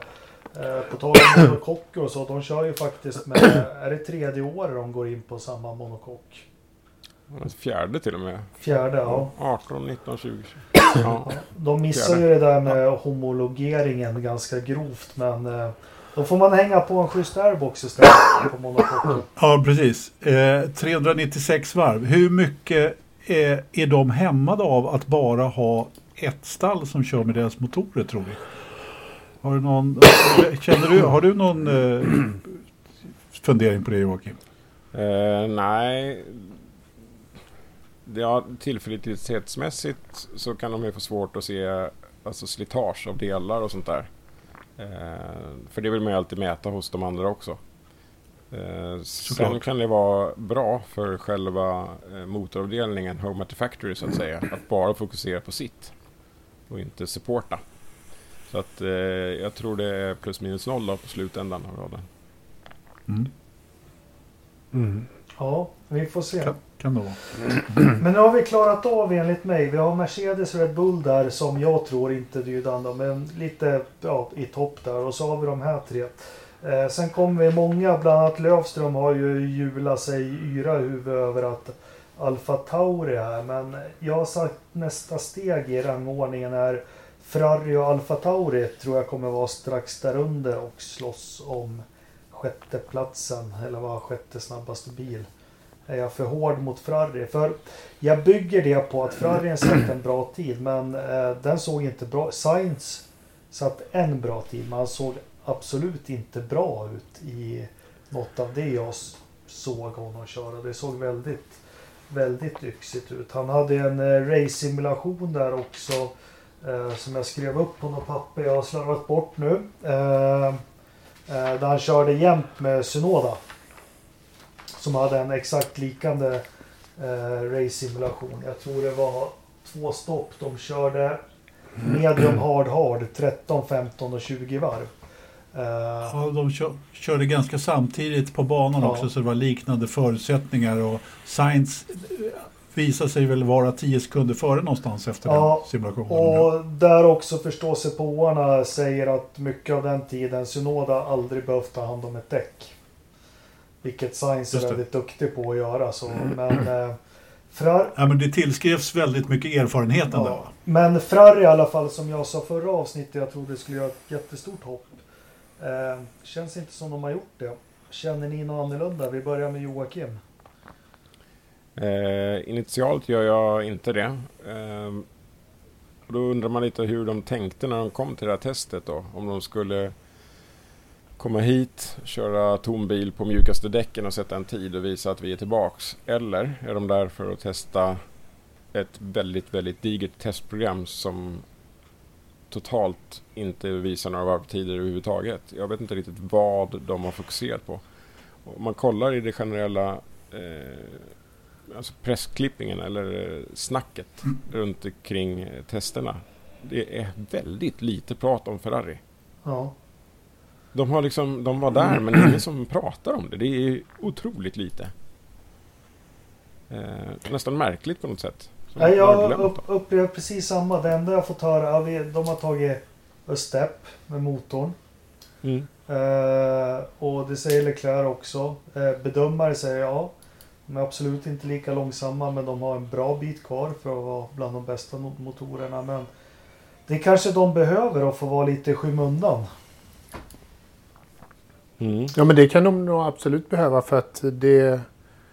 Eh, det de är inte mer än mittfältsteam eh, i år. Och före, efter eh, Alfa Tauri eller Alpin eller, eller så här är helt jäkla omöjligt att säga för de här liksom eh, platserna i mitten. Du kan vara liksom fjärde sist, tredje sist liksom, eh, i, i slutändan. Eller du kan vara plats eh, fem i, i Team eh. Det, är- det är liksom så otroligt tajt där. Men eh, de har inte tagit något större kliv framåt, känner jag, från förra året. Anders? Jo, det har de nog gjort. Jag har ju redan pratat Ferrari en gång, men jag kan göra det igen. Ja, gör det. Mm. Man, Mercedes för, förra, Ferrari. gång, förra, Ja, gången, förra gången var du ganska orolig för motorbyten, eh, kommer jag ihåg. Nej men eh, så här. Eh, Ferrari, ja, som gammal Ferrari-fan då under åtminstone en period när eh, en viss fransk förare körde där så, så har man ju lärt sig att eh, det är alltid någonting på gång i det där stallet och man vet aldrig och Binotto får sparken varannan vecka i pressen och ja, det är lite hi och så. Men på något sätt så tror jag ändå att det är lite lugnande att det pratas lite om dem. Precis som ni sa. Eh, man säger att man har tagit ett steg på, på motorsidan. Eh, hur stort det är får vi väl se. Men med tanke på att då även eh, Haas och eh, Alfa Romeo verkar ha lite bättre fart. Så, eh, så hoppas vi väl kanske att de har i alla fall tagit det här lilla steget. Sen om de är, de är inte ikapp varken Mercedes eller Red Bull. Sen om de är före McLaren. Ja, nja, tveksamt. Men jag hoppas faktiskt det. Att de har tagit sig upp där och är på tredjeplatsen. Och jag tror att de kommer att närma sig topp eh, top tre när eh, säsongen är slut. Eh, på sin lite rutin och eh, gnaga ner de andra faktiskt. Eh, men vi, den som lever får se. Ja, är det någon som har något sista att tillägga om Ferrari? Mm, jag har en liten eh, bomb faktiskt. Ja. Ja, det blir ny teamchef eh, efter halva säsongen. Det blir det. Ja, eh, la på Elkan. Mm. Nej, Jo, jo, för fasen vet du. Okej. Ja, Ja. han kommer dit Ja. med eh, sin eh, snygga eh, kostym va? Och Ja, eh, sen blir det Sen blir det liv i luckan där. ja, Ja, det kan vi hoppas på. ja. Och, Ja, och, spännande. Bino- och Binotto, han får han fortsätta på motoravdelningen eller får han kicken? Eh, nej, han går till Fia. Ja. Han också. Ja, Ja. Han, han, han får ett erbjudande som han inte kan tacka nej till. ja precis. Varför Ja. drar de inte in Flavio då? Eh, han, han och Lapo och Elkan går inte ihop. Det är två flamboyanta människor på samma plats. Nej men det här är alltså någonting du har hört och... Nej, nej, nej, nej. Det är min helt egna... eh, Ja. Nej. nej. Jag sa, ju, jag sa ju att jag skulle ha en drömtippning. Ja. Och sen har jag en liten... En annan, en annan önskan. Jag vill ha Lapo och Elkan i Men var det inte någon som hade twittrat någon, någon suspekt simulator för något om att... ja, precis. Att, att, Binotto eh, skulle att han skulle få sparken. Inom, Mm. inom någon vecka skulle han få sparken. Ja, det var en GT, GT-föraren som hade sagt. Ja, Ja. precis. Ja, det var inte Tony Ring i alla fall. Nej. Nej. Nej, nej, men vi får se. Men alltså, ja. Eh, det är ju tragiskt. Ferrari ska finnas med där uppe. Men på något vis är jag lite skadeglad lite också de har det tufft. Eh, det tråkiga med Ferrari historiskt är att när de har det tufft, då har de det tufft så jävla länge. Det är Mm. liksom... Ja. Det är, Ja, Tills det kommer en fransman och styr upp det där. ja, ja eller, eller någon Ja. annan. Eh, Eller någon annan ic- icke-italienare. Ja, Eh, men jag tror att de kommer få slåss med Alfa Tauri som, som jag sa, många hjular sig yra huvud över deras kvalfart. Alfa har gått bra, eh, eller Alfa Taurin har gått bra. Eh, Gasly har kört bra, Senoda han har ju kört med något Tokyo Night drifting med, med vingen öppen Mm. hela tiden. Men eh, eh, nätt fin liten bil som eh, ser ut i uppträdandet tycker jag som Red Bull-bilen mycket. Den, den sitter rätt limmad där på banan. Ja, de sa väl att, att de hade utvecklat ungefär samma sak som Red Bull hade förra året till årets eh, Alfa Tauri. Det, det låter ju lite... De hade tagit Lite- halva deras noskorn Ja. och satt på på monokocken. Eh, Ja. Och lyckats komma undan någon sån här tokenpoäng där. Jaha. Mm.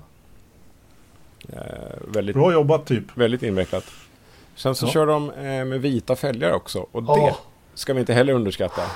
Nej. Ben- Benetton 94-95. Ja, det är så snyggt. Ja, jag håller med. Ja. Eh, De åker fan upp ett pinnhål bara på det. Ja, det är lätt alltså. Ja. Ja, Alltså nu har vi fått in lite estetik här också i Forza-podden. Det är vi inte vana vid. Nej. Eh, Vi måste fundera Ja, lite men jag på det gillar här. sånt. Jag är otroligt bekymrad över att en del av reglemente 2022 är navkapslar. Mm. Navkapslar ja. Ja, Mm.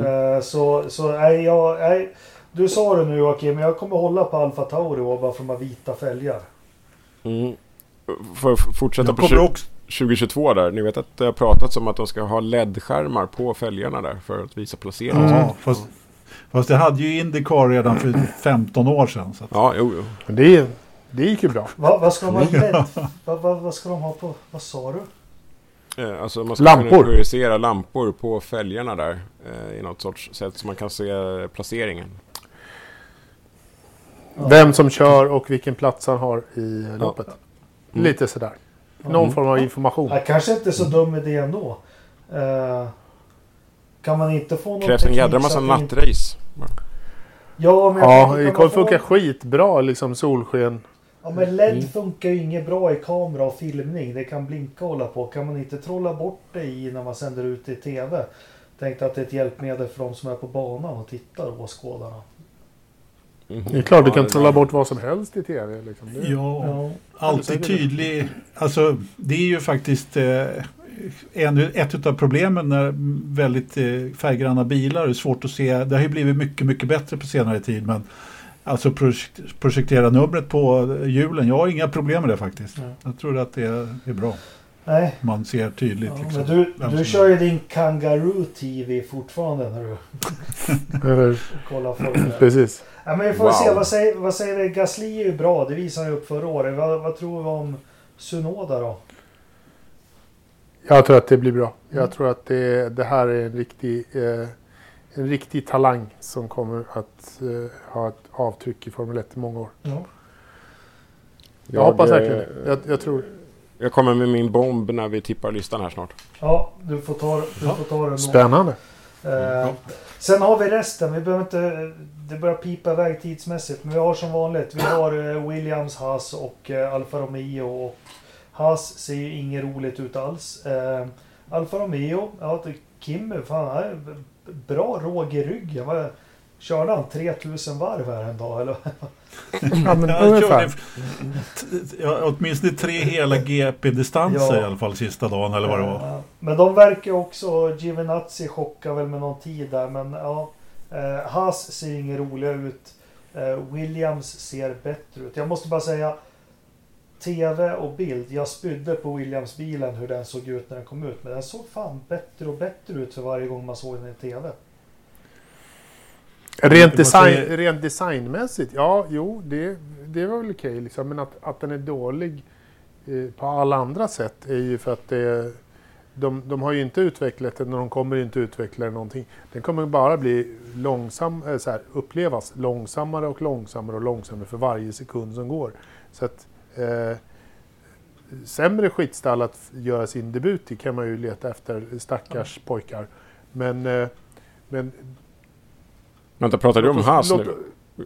Ja, jag pratar om Haas. Jag trodde vi pratade om Williams. Trodde jag med. Äsch. Ni ska inte Det är vara sådär. rörigt här idag. Ja, det var Williams vi pratade om. Ridderstolpe pratar Haas när vi ska prata Williams. Lövström helt- pratar Ferrari när det ska vara mycket. Kan vi få höra nu, vad säger estetikexpert Dyrdand om Williams-bilen? Ja. Tack för titeln och eh, då säger jag att eh, jag tycker att även The Race eh, var oerhört hårda mot den här bilen. Jag tycker den är fantastiskt genomtänkt och vacker. Det gömda W i ljusblått och mörkblått och de gula accentkulörerna. Bra ord, Mm. tack. Ja, ja, fint, fint. Eh, för att då eh, påminna om eh, fornstora dagar. Briljant bil, livery. Mm. Ja, helt otroligt. Det här är ju som att ha Bengt Grive i konståkning eller vad? Jag håller med och jag ser det som en hommage till världens bästa hockeylag Leksands IF som spelar i blått, vitt och lite gult den här säsongen. Mm. Men på vilket sätt är det gula en hyllning till storhetstiden? Eh, Den var ju Va? ganska gul. Va? Pratar du om? Vadå? Var sa du inte att de hade det gula för att på något vis hänvisa till storhetstiden? Korrekt. Ja. Ja. Ja. Vad, vad Hur kan du ha missat, hur kan du ha missat det? Vem var färgblind här? Ja, eller hur? Nej men på vilket sätt är det, är det gula storhetstiden? De hade gula Men de var ju, element. de var ju gula. Ja, okej då. Mm. När var Det storhetstiden enligt er då? Ja, men de, de var i alla fall gula och blåa ganska länge när de hade en viss, ett visst cigarettmärke som sponsor så hade de ju den här färgen under en ganska lång period, skulle jag säga. När de var rätt bra i alla fall och vann ett gäng VM, VM Ja. på rad. Någonstans där på 90-talet. Mm. Du, du, vi kan De vann det två VM på raden. Ja. Ja, Mm. Det, det är väl mer än ett. Jo, Det- men vad det- fan, när de verkligen dominerade Det- då var den ju vit och grön bilen. Var en vit, ja. Ja, Ja, nej, 79, inte den. 80, 81 där. ja. Nej, jag tänkte... Nej, inte den epoken. Den andra där. Tänkte jag. Ja, eh, ja. Ja, ja, ja. Men det, det man kan ta, ifrån, ta- med sig också från testerna var Kimmy och eh, det sista de gjorde på sista varvet, Kimmy och eh, Sainz höll på att köra ihop med varandra. Ja. Mm. Eh, Sainz eh, skuggade Kimmy i Mm. växellådan på väg tillbaka till, till depån. Han var mäkta irriterad där på någonting som ingen riktigt förstod och inte Kimmy heller. Men, men eh, de hade också, det påstods också att eh, de hade väldigt bra fart på någon av de här simuleringarna och att Binotto viftade bort det på något sätt. Så att, jag vet inte hur mycket det säger egentligen. Men, men vi kan väl hoppas att Alfa Romeo har tagit ett litet eh, kliv Ja, också. men i den Om jag får säga- incidenten, det man kan säga det är att Kim är, va, han, är, han fyller 42 år i år. Han har fan inte tappat reaktionsförmågan.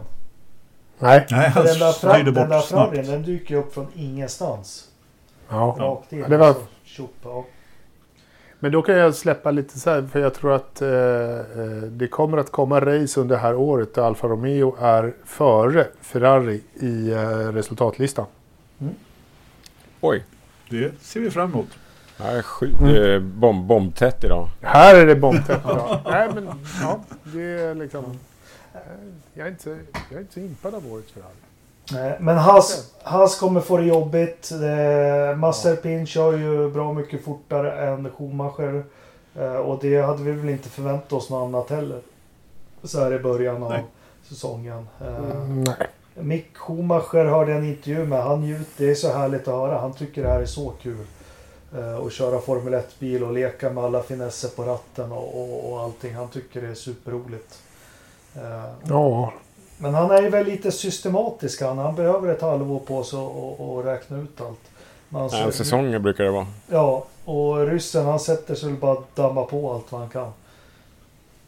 Men det där tror jag är... eh, Vi vet ju vem som äger teamet. Så att eh, där har vi gett fördelar till eh, Mazepin och nackdelar till Schumi. Ja, det skulle jag också ha gjort. Ja, jag skulle gjort tvärtom då. Ja. Ja, har vi kommenterat det faktum att han kör med MSC som eh, bokstäver? Ja. ja eh, vi har nog det. Det jag läste jag också nu när jag försökte göra analysarbete att det här eh, Vi har tagit det lite andra Alfa Romeo och samarbetet med Sauber som de har att Det kommer nog inte vara nästa år och det är av en stor anledning till att de valde att stoppa ner honom i Haas istället. Ferrari. Mm.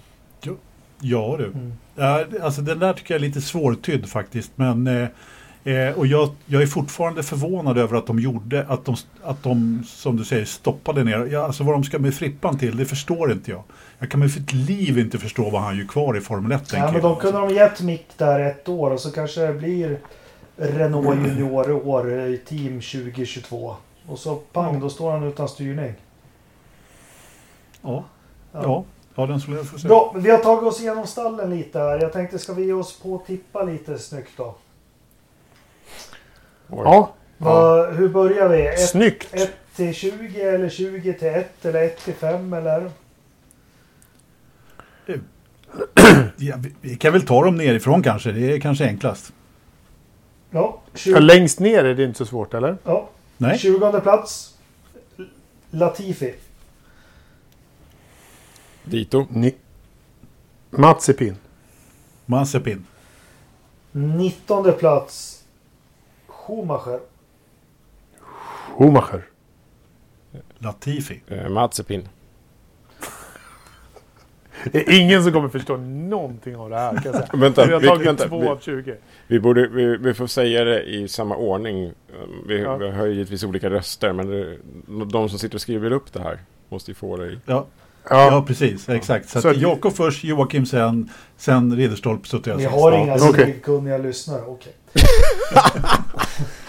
Eh, nu har vi inga lyssnare nu heller. Så precis. Exakt. De här två som har lyssnat, här liksom, de bara så här, fan det ger jag upp. Vad sa jag? Jag sa ju faktiskt Latifi, sen sa jag Schumacher. Eh, ja, 18 plats. 18 plats, ja. Vad har du. Jakob? Eh, där har jag frisyren då. Giovinazzi. Jaha. Ja, Vettel? Jaha. Nej. Nej, Giovinazzi. Ja. Fan. Häng med lite. Sluta nu. Nej, Latifi. Eh, 18. Eh, Mick Schumacher 18. 17. Giovinazzi. Eh, Schumacher. George Russ? Nej. Jo, George Russell har jag skrivit. Jag med faktiskt. Jag har också Russell på 17. Ja. Helt enkelt på grund av att Williams-bilen inte håller bättre mått. Mm. 16. Ja just det, det är jag som ska säga det. Mm. Eh, ja men där har, jag, där har jag Kim eller Russell. Jag hoppas ju på att Russell på några regnlopp kanske kommer ta mycket poäng. Jag tror Kimmy kommer Ja. ta poäng vid fler tillfällen. Men tyvärr, jag sätter Russell där. Ja. Eh, jag hade samma, samma fight där. Eh, det blev Raikkonen här då. Mm. Giovinazzi. Jag har också Giovinazzi. Fan vad lika vi har. Ja, du får sluta kolla på min Excel. Ja. Och då är vi på 15 plats nu. Ja. Sunoda. Eh, Russell. Kimi Räikkönen. jag, jag har också en kille från Finland. Som heter Kimi Räikkönen. Eh, vad är vi på nu? 15. 14. 14. 14 Kimi. Jakob. Eh, Fettel. Yuki Tsunoda. Du har Fettel på 14 nu blir jag nästan... Jag sa att det skulle bombas friskt där. Ja. Ja, ja verkligen. Jag, jag, har jag, jag behöver inte ens ha... Jag kan slänga min lista för jag har också Sunoda. Du, du har samma som jag, eller hur? Ja. Det blir lite spännande, Jakob. Vad, vad sätter du på, på 13, Där Jakob? sätter jag Lance Stroll. Jaha. Eh, där har jag Ocon. Jag har faktiskt också Ocon på det där. Bra, bra Ridderstolpe. Där har jag Gasly. Nej, nej, nej. Mm. Då sätter jag 12 Ocon. Mm. Eh, då säger jag fel, eh, rätt, Stroll. Eh, fel Gasly på 12. Rätt eh, Ocon på 12.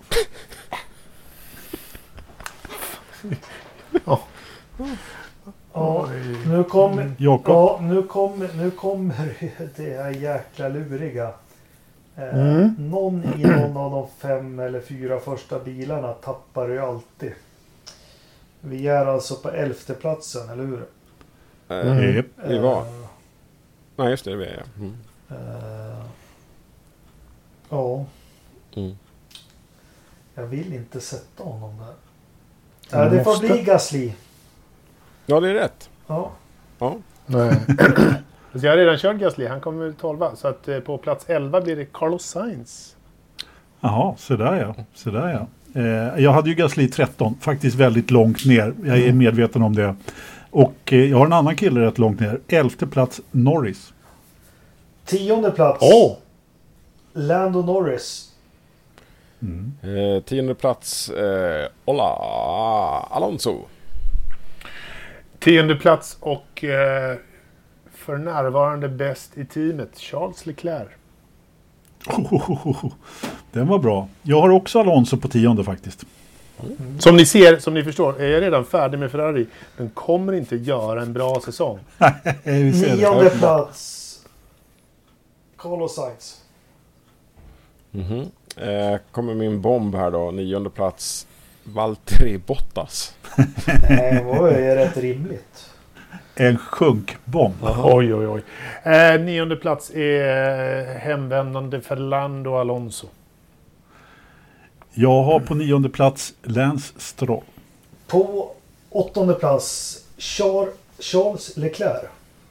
Mhm. Eh, rätt team, fel man. Åttonde plats, eh, Sainz Junior bör tilläggas. Ja, jag måste bara säga att jag tror Leclerc kan säkert ta fler pallplaceringar men Sainz kommer komma i mål oftare med poäng. Mhm. Ja. Ja, ja, ja. Eh, eh, åttonde plats är Lance Stroll. Eh, Mm. Sjua. Jag har... Mm. Får jag Ja, också tippa? Jakob? Ni hade ju samma lista. Tack. Du har ju min. Ja, ja, fast nu har den ändrats lite här. Nu har ju med du och jag som haft samma. Nej, jag har Perez faktiskt på åttonde plats. Åh! tror du? Va? Mm. På åttonde plats. Va? Ja, men han kommer ju göra en... Han kommer göra en Perez. Lite då Ja, då. precis. Ja, Exakt. Sjunde plats. Sebastian Vettel. Mm. Eh, Spännande. Eh, Chuck Norris. Nej, alltså inte eh, förvirrande här. Den riktiga Norris. Alltså Mm. vi kallar det Alonso för Chuck. Lando. Lando. My friend, my friend Lando har jag också på, på en sjunde plats faktiskt. Ta mig fan. Mhm. Mhm. Ja. Ja, ja. Jag har Sainz på sjunde plats. Mm. Fan. Ni är kloka. Jag har ju en bomb kvar känner jag. Liksom, Ja, jag är ju också. Har ni ja. men, ja. Ja. Eh, ja. Men du, Men Jakob, Sjätte- eh, du är på sjätte nu? Sjätte plats. P6. Poängplats nu. Nu får ni Ja, välja. Hjärna eller hjärta. Eh, du, jag har tippat min egen lista. Jag tänker inte tippa Ja, min. men säg bara hjärna eller hjärta någon. Ja, hjärta har jag ju gått på hela vägen. så Ja, då, Ja, då precis. sätter jag Ricciardo här nu då. Mhm. Ja, Det verkar ju inte som Jaha. att du har något hjärta i så fall. Nej, eller Exakt. hur gick det till? Ja, Ja, jag, jag förklarar sen. Ja, det är bra. Mm. Eh, läckan är nämligen där. Leclerc, ja. Eh, plats 6. Sergio Perez. Och Lövström tippar Charles Leclerc på plats sex.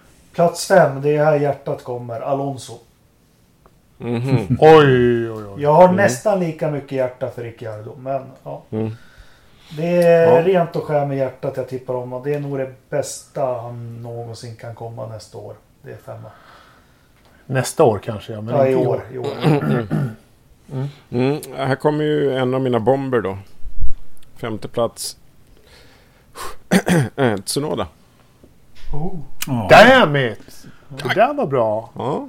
Lite motivering måste vi faktiskt ha på den ja, det kan du få. Eh, jag vet att han inte har eh, behövt jobba sådär med eh, däckkonservering och strategi och sånt där. Men har man kört formelbil i två år och är i Formel 1 då, då är det en annorlunda bitar inom varan. Va? Så att, Sen skulle jag nog vilja säga att han har ändå hållit på med lite, för att du kommer inte igenom F2 om du inte har konserverat lite däck. Eh, nej, nej.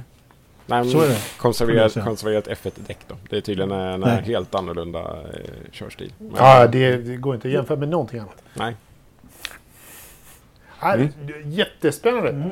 Eh, Min femte plats är Gröten, Skägget, Bottas, Valtteri. Mhm. P5. Ja. Min, min femma är Sebastian Vettel. Nummer fyra, Valtteri Bottas. Ja, nummer fyra. Hamilton. Sådär ja. Oj, oj, oj. Nej, jag kan Och bara, bara så här, vi sveper förbi, så ingen kommentar på det. Nej, jag vill inte... Så, vad sa ni? Nummer tre? P4, Sebastian Vettel. Och eh, Lövströms fyra är Daniel Ricciardo. Mhm. Mm. Ja, nu blir det jävligt eh, svårt det här. Men det får faktiskt... Eh, log logiskt så får det P3 bli Perez. Mhm. Eh, Nej. nej. Eh, logiskt så är P3 Honey Badger eh, Ricciardo. Mm. Ja, Honey Badger på plats tre. Ja, där. Alltså ni tror att Ricciardo... Jag tyckte jag hade tippat honom högt med fjärde plats alltså. Nej. Men, eh, ni slog mig båda två. Det är imponerande. Jag har Bottas på tredje plats. Ricciardo kommer göra ett kanonår. Oh, ja. Två, Det tror jag med. Hamilton. Mm. Tvåa, Ja, sa du det? Ja. två. Eh, där har jag Checo Perez. Jag har Max Verstappen som två. Jag har också Max Verstappen som två.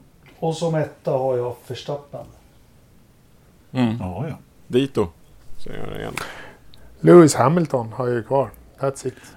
Ja, det är samma här. Det är alltså hur... Nej, ja, nej. Ja, Men jag tänker så här att eh, det kan dippa. Hamilton vet vi när Ferrarierna fuskar. Han kommer ta upp kampen. Det som oroar mig med Max. Och det har vi inte sett helt än. Att han kan hålla ihop en mästerskapssäsong. Eh, Att han skiter i det där. För att vinna VM då kan han inte göra. Var det som sista loppet i Bahrain? Jag kommer utanför banan, jag håller stumt. Oj, det fanns grus här inne i räcket. mm. Sånt gör aldrig Hamilton. Eh, jag, jag har inga problem heller, jag måste bara få säga det. Jag har faktiskt inga problem med att se att Checo kanske slår Verstappen över en säsong. Jag säger inte att det kommer hända, men jag, är inte- jag kommer inte liksom bli överraskad. Men jag tror det är Max tur i år. Kan vara. Kan vara. Ja, alltså jag tycker ju att han har gjort färre och färre misstag. De här misstagen som han gjorde tidigare har vi inte alls sett med samma frekvens. Men visst, eh, han har gjort ett och annat, gjorde väl ett och annat förra säsongen också. Men eh, jag är inte överraskad om Max vinner VM. Jag gjorde faktiskt min lista innan testerna, jag får skylla på det.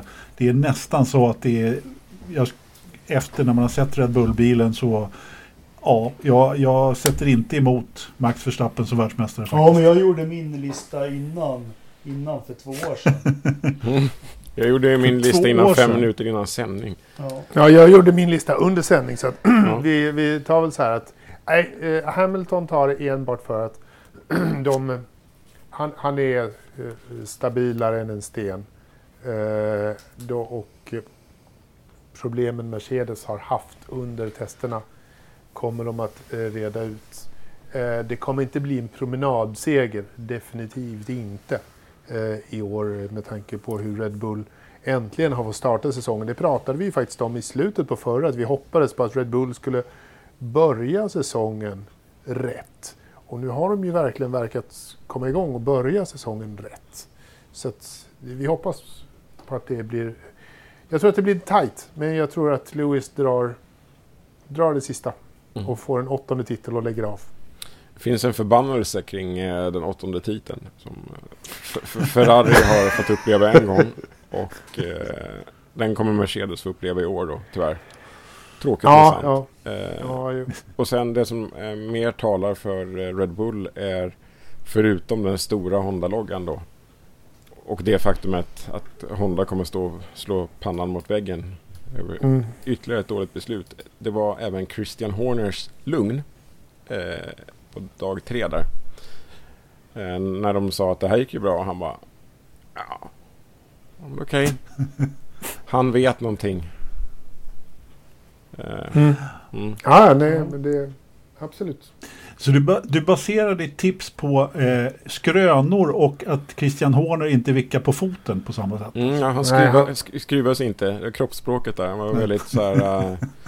eh, han, han, han kunde varit nöjd och lite exalterad men han var inte ens det. För han visste någonting. Bara Kolugn. Ja, och det ville han tona ner genom att försöka verka oberörd. Men det, Det gick ju bra. Ja, det är viktiga spaningar. mm. Det är bra. Ja, men vi ska försöka notera ner det här i skrift eh, på något vis. Och, och, och så får vi följa de här eh, tipsen över säsongen. Det tycker jag blir jätteroligt. Och vi ska väl försöka ha med dig något i mitten av säsongen också Joakim.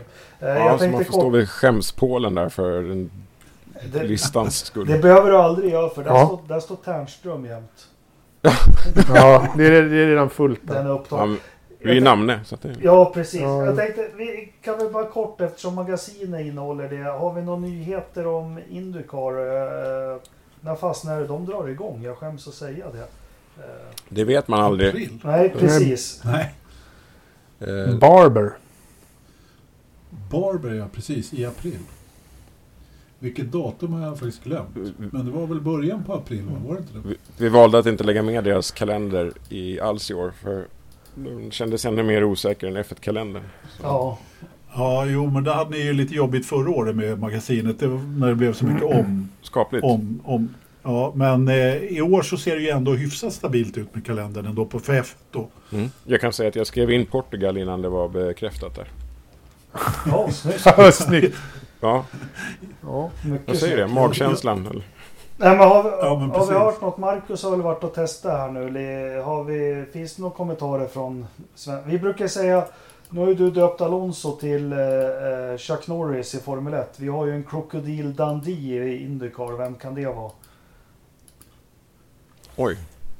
The Knife. Ehm, nej, det vet jag inte. Scott Dixon såklart. Jaha. Ja, det är det ju. Lätt att gissa. Ja, Mm. men vet vi något? Hur har testerna gått och hur... Eller är det tyst bara? Eh, pass. Jag har inte hört något. Ja, men det är svårt att få någon, någon överblick och någon, någon, någon, eh, liksom någon, någon större bild tycker jag. För att det är privata tester här och det är privata tester där. Och eh, ja, jag vet inte riktigt. Det görs lite tider här och Jimmy Johnson är långsam. Jag vet inte, jag får ingen samlad bild av, av testerna. Eh, vilket man kanske egentligen inte... Det är ju det är ju trots allt samma bilar man kör med som förra året. Så att det, är ju inte, det är egentligen inte så mycket som kan förändras. Så, annat än lite småsaker då. då men eh, ja, jag vet inte. Sen är det ju så här också. Nu har vi gjort en podd här i en och en halv timme minst här väl om eh, tester. Eh, och faktum är att tester visar egentligen ingenting. Nej. Och det, och det, det är så vi slutar här, Ja. eh, med det här. Helt meningslöst. Det här Ja. är 90 minuter som ni önskade att ni hade. Mm. Tillbaka. kommer ni aldrig få tillbaka. Nej men tänk om det var som på 70-talet testerna där. Kailami Beach. Ja, lite tänk. bil, sen badar de och, och, och söp och spelar backgammon vid poolen hela tiden, hela gänget. Mm. Kenneth Olausson har väl mer bilder från poolen än han har från själva träningen. Från racen. Eh, bra. Kanske. Eh, vi måste ju ta upp att vi har eh, fått ett tråkigt frånfälle. Eh, Murray Walker dog 97 år gammal eh, här i helgen. Eh, det är en sån där person som man aldrig trodde skulle dö faktiskt. Det tror jag alla kan hålla med om. Mm. Ja, Liksom han och Gorbatjov, det är ju inte heller någon man tror någon gång kommer dö. Nej. Alltså det jag är mest imponerad av är F1-organisationen, och hur de är snabba. De, på- en, alltså på mindre än en dag, antingen så visste de i förväg att, att eh, Murray skulle trilla av pinn just den här dagen. Men alltså en, jag vet inte hur, kanske tre meter hög och liksom 20 meter lång banderoll får de upp. Var inte den, På digi- var inte den digital? Var den där? Eh, jag såg... Jag, Den, se, eh, den den, ser. ser. inte jättedigital ut, men det, det förklarar i så fall saken. För jag tycker den ser ut som en, en Men jättestor Anders, banderoll. Anders, Men, Anders, digital är inte detsamma som digital var när du var liten. Okej. Nej men jag tyckte, jag håller det? med där. Jag tyckte också att den såg fysisk ut faktiskt. Men jag, Ja. sen tänkte jag bara, nej men det där måste vara en sån där som du vet när de projicerar Pirelli på Mm, ja, det är gräset och möjligt. sånt där. Det är möjligt. Men, det är eh, mycket möjligt. Men det var snyggt gjort i alla Ja, fall. verkligen. Ja. jag vet inte. alltså Murray har väl... Eh, för, för mig så är Murray en sån här kommentator som jag hörde först när han började kommentera BTCC faktiskt. Ja, när Johan Thorén Han- började köpa in race. Precis, Mm. och då, då valde man ju att ha kvar hans eh, kommentering därefter. Det var så jag lite började få upp ögonen för honom. För att, och då berättade ju han också att han, han gjorde ju, han kommenterade Formel 1 på söndagen och BTCC-loppen gick också på söndagen naturligtvis. Han kunde inte göra både också. Han gjorde ju det där en efterkommentering på måndagarna då. Eh, så att han kommenterade dubbelt där under ganska många år. Och, och, ja, han hade ju en oerhört egen karaktäristisk stil liksom. Mm. Vart fan var det de satt någonstans BBC och åh, jag hade det för fem minuter sedan. Vi hade ju en studio där i London. Direkt från, åh, äh, den kommer nästa. Nästa gång. Ja. Eh, Har du något minne Joakim från Nej, Mario. nej, inte sådär. Utan det är bara att man, man har hört alltså, F1 och den rösten. Eh, Mm. Båda är, är lika pitchade. Som när, när motorerna var härligt högvarviga. Då var hans röst i samklang med motorerna liksom. Eh, Ja, jag hoppas ju... Eh, ja, tänk... Kommentera STCC-TV och eh, han... Alltså, tänk att uppnå hans legacy någon gång. Men jag, Ja. jag får börja med STCC+. Och sen Ja. så tar jag det därifrån. Ja, exakt, Ja, exakt. men Kan eh, vi vilket ta- arv ja. Jag tyckte han var jobbig att lyssna på måste jag säga. Så här, och, och bara gammal farbror som, som skrek och så tyckte jag. Men eh, det fick man ju omvärdera med åldern. Men eh, han verkar ju vara... Den glorian går nog inte att få ner på sned. För jag har aldrig hört någon säga ett ont ord. Omättligt populär överallt i racingvärlden. Ja, alltså snubben var ju liksom eh, som vem som helst. Han, det var någon som, det var ju så oerhört mycket tributes, eh, filmer som har gjorts med honom här på slutet. Men det, det som man landar i är att han, han ba, behandlar ju alla som, som vem som helst. Även om man pratade med Senna eller om man pratade med en mekaniker så var han ju liksom någon slags helyllegubbe liksom. Mm. Eh, och, och var lika intresserad av vad, vad liksom garagesopan gjorde som föraren i stort sett. Liksom. Det var aldrig någon skillnad på folk och fä. Liksom. Sen att han var hade sin kommenteringstid, den, jag håller med dig där Jakob, den kunde vara lite jobbig ibland. Men man, man får ju liksom komma in, han, han lämnade ju ingen oberörd. Man får inte komma att han skulle väl vara folkbildande också från BBC och det han är duktig på. Han, han, han var ju antagligen otroligt kunnig inom Formel 1 och motorsport. Men det är liksom ingenting han skyltar med och gör sken. Han är lite mer så här folkbildning i... Mm. Eh, Jo, om men- förstår vad jag menar. Shepherd's Bush hette det ju där BBC hade sin studio i London. Kom jag på. Okej. Mm. Ja, nej men han, han, i och med att han hade en gedigen bakgrund också i motorcykelracing då, och hade kommenterat väldigt mycket. Så han, han hade ju det där i blodet helt enkelt. Mm. Mm. Ja, men han, det han sa var ju inte nördinformation. Han satt ju inte och rabblade liksom tokfakta utan eh, han spädde bara på eh, all den action man såg och, och höjde det. precis. liksom. Och så lämnade han till sin bisittare väldigt mycket liksom. James Hunt. Hans... Ja, Ja, lämna. De slogs väl. De hade väl bara en mikrofon. Ja. Det där har jag Ja. läst mycket om och det kunde väl bli tjafs om den ibland. Mm. Ja de, de kunde inte ha två mikrofoner för de pratade i mun på varandra hela tiden, han och James Hunt. Ja, helt underbart. Och eh, dessutom just, alltså just den här kombinationen då med det här väldigt lugna snacket som, eller, ja, som James Hunt ha, hade. Så de blev ju någon slags dynamisk duo där. Liksom. Mm. Ja. Ja. Eh, var, det var inga tråkigheter utan det kanske var åldern som tog han eller var det, han hade väl cancer där på... Om man är 97 bast så känns det väl i alla fall som att... Ja, det var nog mer tråkigt. Det är bara sex år mer än vad du är Anders. Så. Ja. Ja, men Ja. precis. Det var ju faktiskt en intervju med honom på Beyond the Grid för två år sedan. Eh, och då eh, sa han ju någonting i stil med "Äh, det är lugnt, jag är, jag är gammal och har väl några krämpor. Men man hörde ju att han var, fortfarande var pigg i huvudet. Liksom, Mm. så att, Bra. Nej men trist men fint ordnat av, av Formel 1 och snabbt hyllare sådär. Eh, tycker jag. Jätte, jättehärligt. Eh, Mm. Som sagt. verkligen. Eh, vi går vidare till våra två sista punkter. Jag vet inte om du eh, har Anders gått igenom. Vi har varje vecka så utser vi veckans Verstappen. Nej, det är ny. De har jag inte förberett Joakim Nej. på. Jag tänkte de skulle komma som en eh, överraskning. Det är någon Det är en liten bomb. Eh, Ja, Ja, har ju hört podden förut så det är lugnt. Ja, ja det är bra. men då får... Jag eh. Vem vill börja då, Anders? Veckans Verstappen?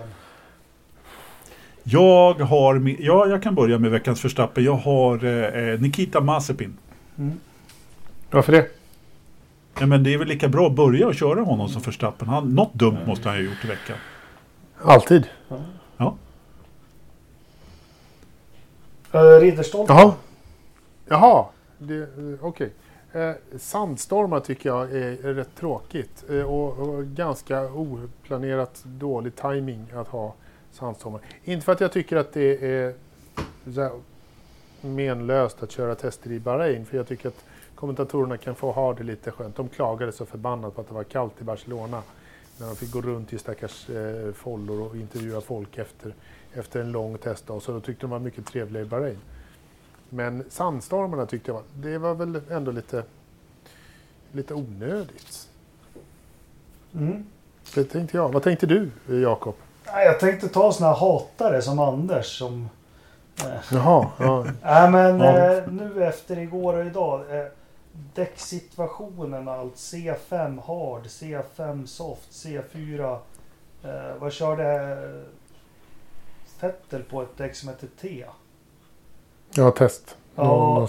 Det, nej, gör det här en, prototypvariant. enklare för oss att förstå och redovisa. Jag har försökt leta tidsskillnader på ett C5 och C4 däck på något enkelt sätt. Men det, ja, nej, det får bli min förstappen. Har Joakim någon? Ja, jag har eh, min förstappen går till, eh, det går väl till teamet då, till Williams där. Med eh, Ja, valet det. av förare. Just ja. Ja. Mm. Ja, de, hade, de hade sålt sin själ till eh, Nissan ja, precis första dagen. Men hade Ja. inte de fått bra med cash nu? Behöver de göra en sån där grej? Jo, men det är där cashen kommer ifrån va? Ja. Pappa. Ja, Ja, ja det det verkar så i alla fall. Eh, vi puttrar över till vädret i Idre. Det är minus 2,4 grader. Brr. Kallt. Ja. Eh, en Ja. jävla ren är vid fågelbordet och tittar. Eh. Är den en, ensam eller tvåsam? Nej, 21, klockan 21.15.06 så står den där själv och spanar. Eh, Vindavkylning ser bra ut. 19% luftfuktighet inne. Vad säger du om det Anders? Som är i branschen. Ja, men det är ganska torrt faktiskt. Det har nog varit lite... Eh, det har inte varit så mycket nederbörd på ett tag. Nej. Han har fan inte duschat på länge. Nej. Fan, det är en ära att få höra den här rapporteringen live ändå. Ja. Ja, Anders, jag har Eller en hur? tanke där. För den har legat stabilt. Kan, kan Karn ha klämt in dubbla paxfläktar? Ja, det kan vara faktiskt så. För då kommer Mm. man, Det kan, det kan, det, det kan, ha varit, det kan vara dubbla. man kommer, kommer ner de där nivåerna då skulle jag vilja, eller misstänka. Eh, tyvärr finns det inga grafer på luftfuktigheten inne. Det finns det på den ute. Eh, vi vill Ja. höra tempen i datorn och vi kan säga så här att eh, enligt graferna så vad låg den på sist? Jag får inte fram det. Nej men det är ganska stabilt nu. Vad gissar vi på?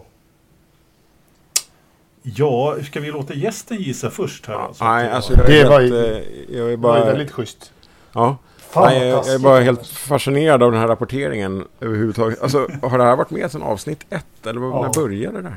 Någonstans. Och Jajamensan. du kan väl historien Och bakom det också?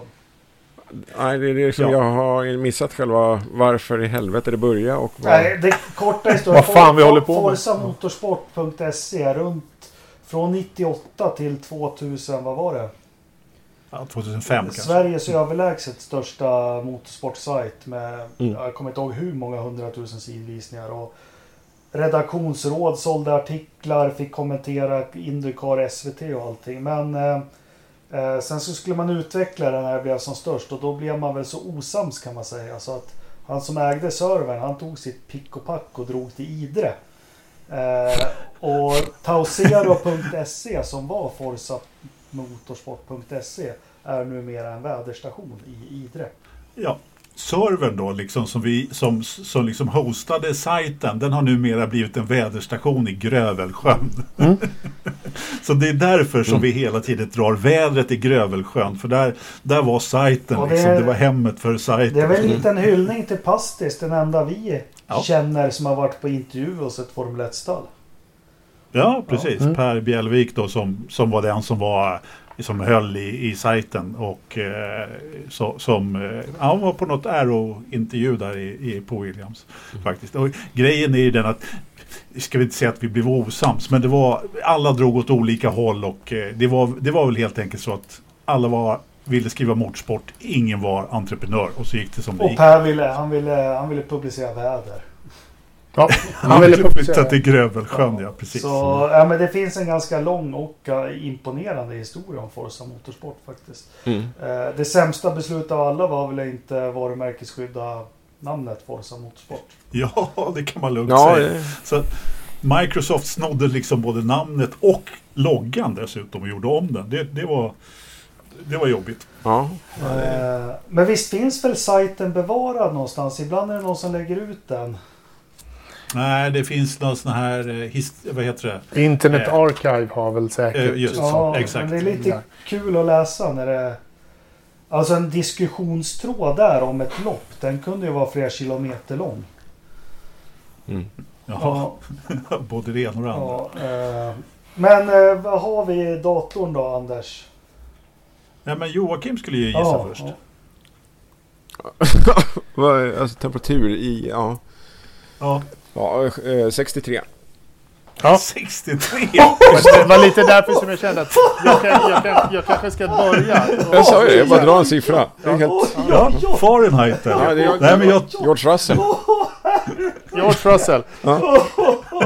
Åh, fy fan. Tju- 22,8 är, är ett, ett ganska normal temperatur som jag kör någon gång ibland. När Mm. det är temperatur. Men 63 är också en Ja.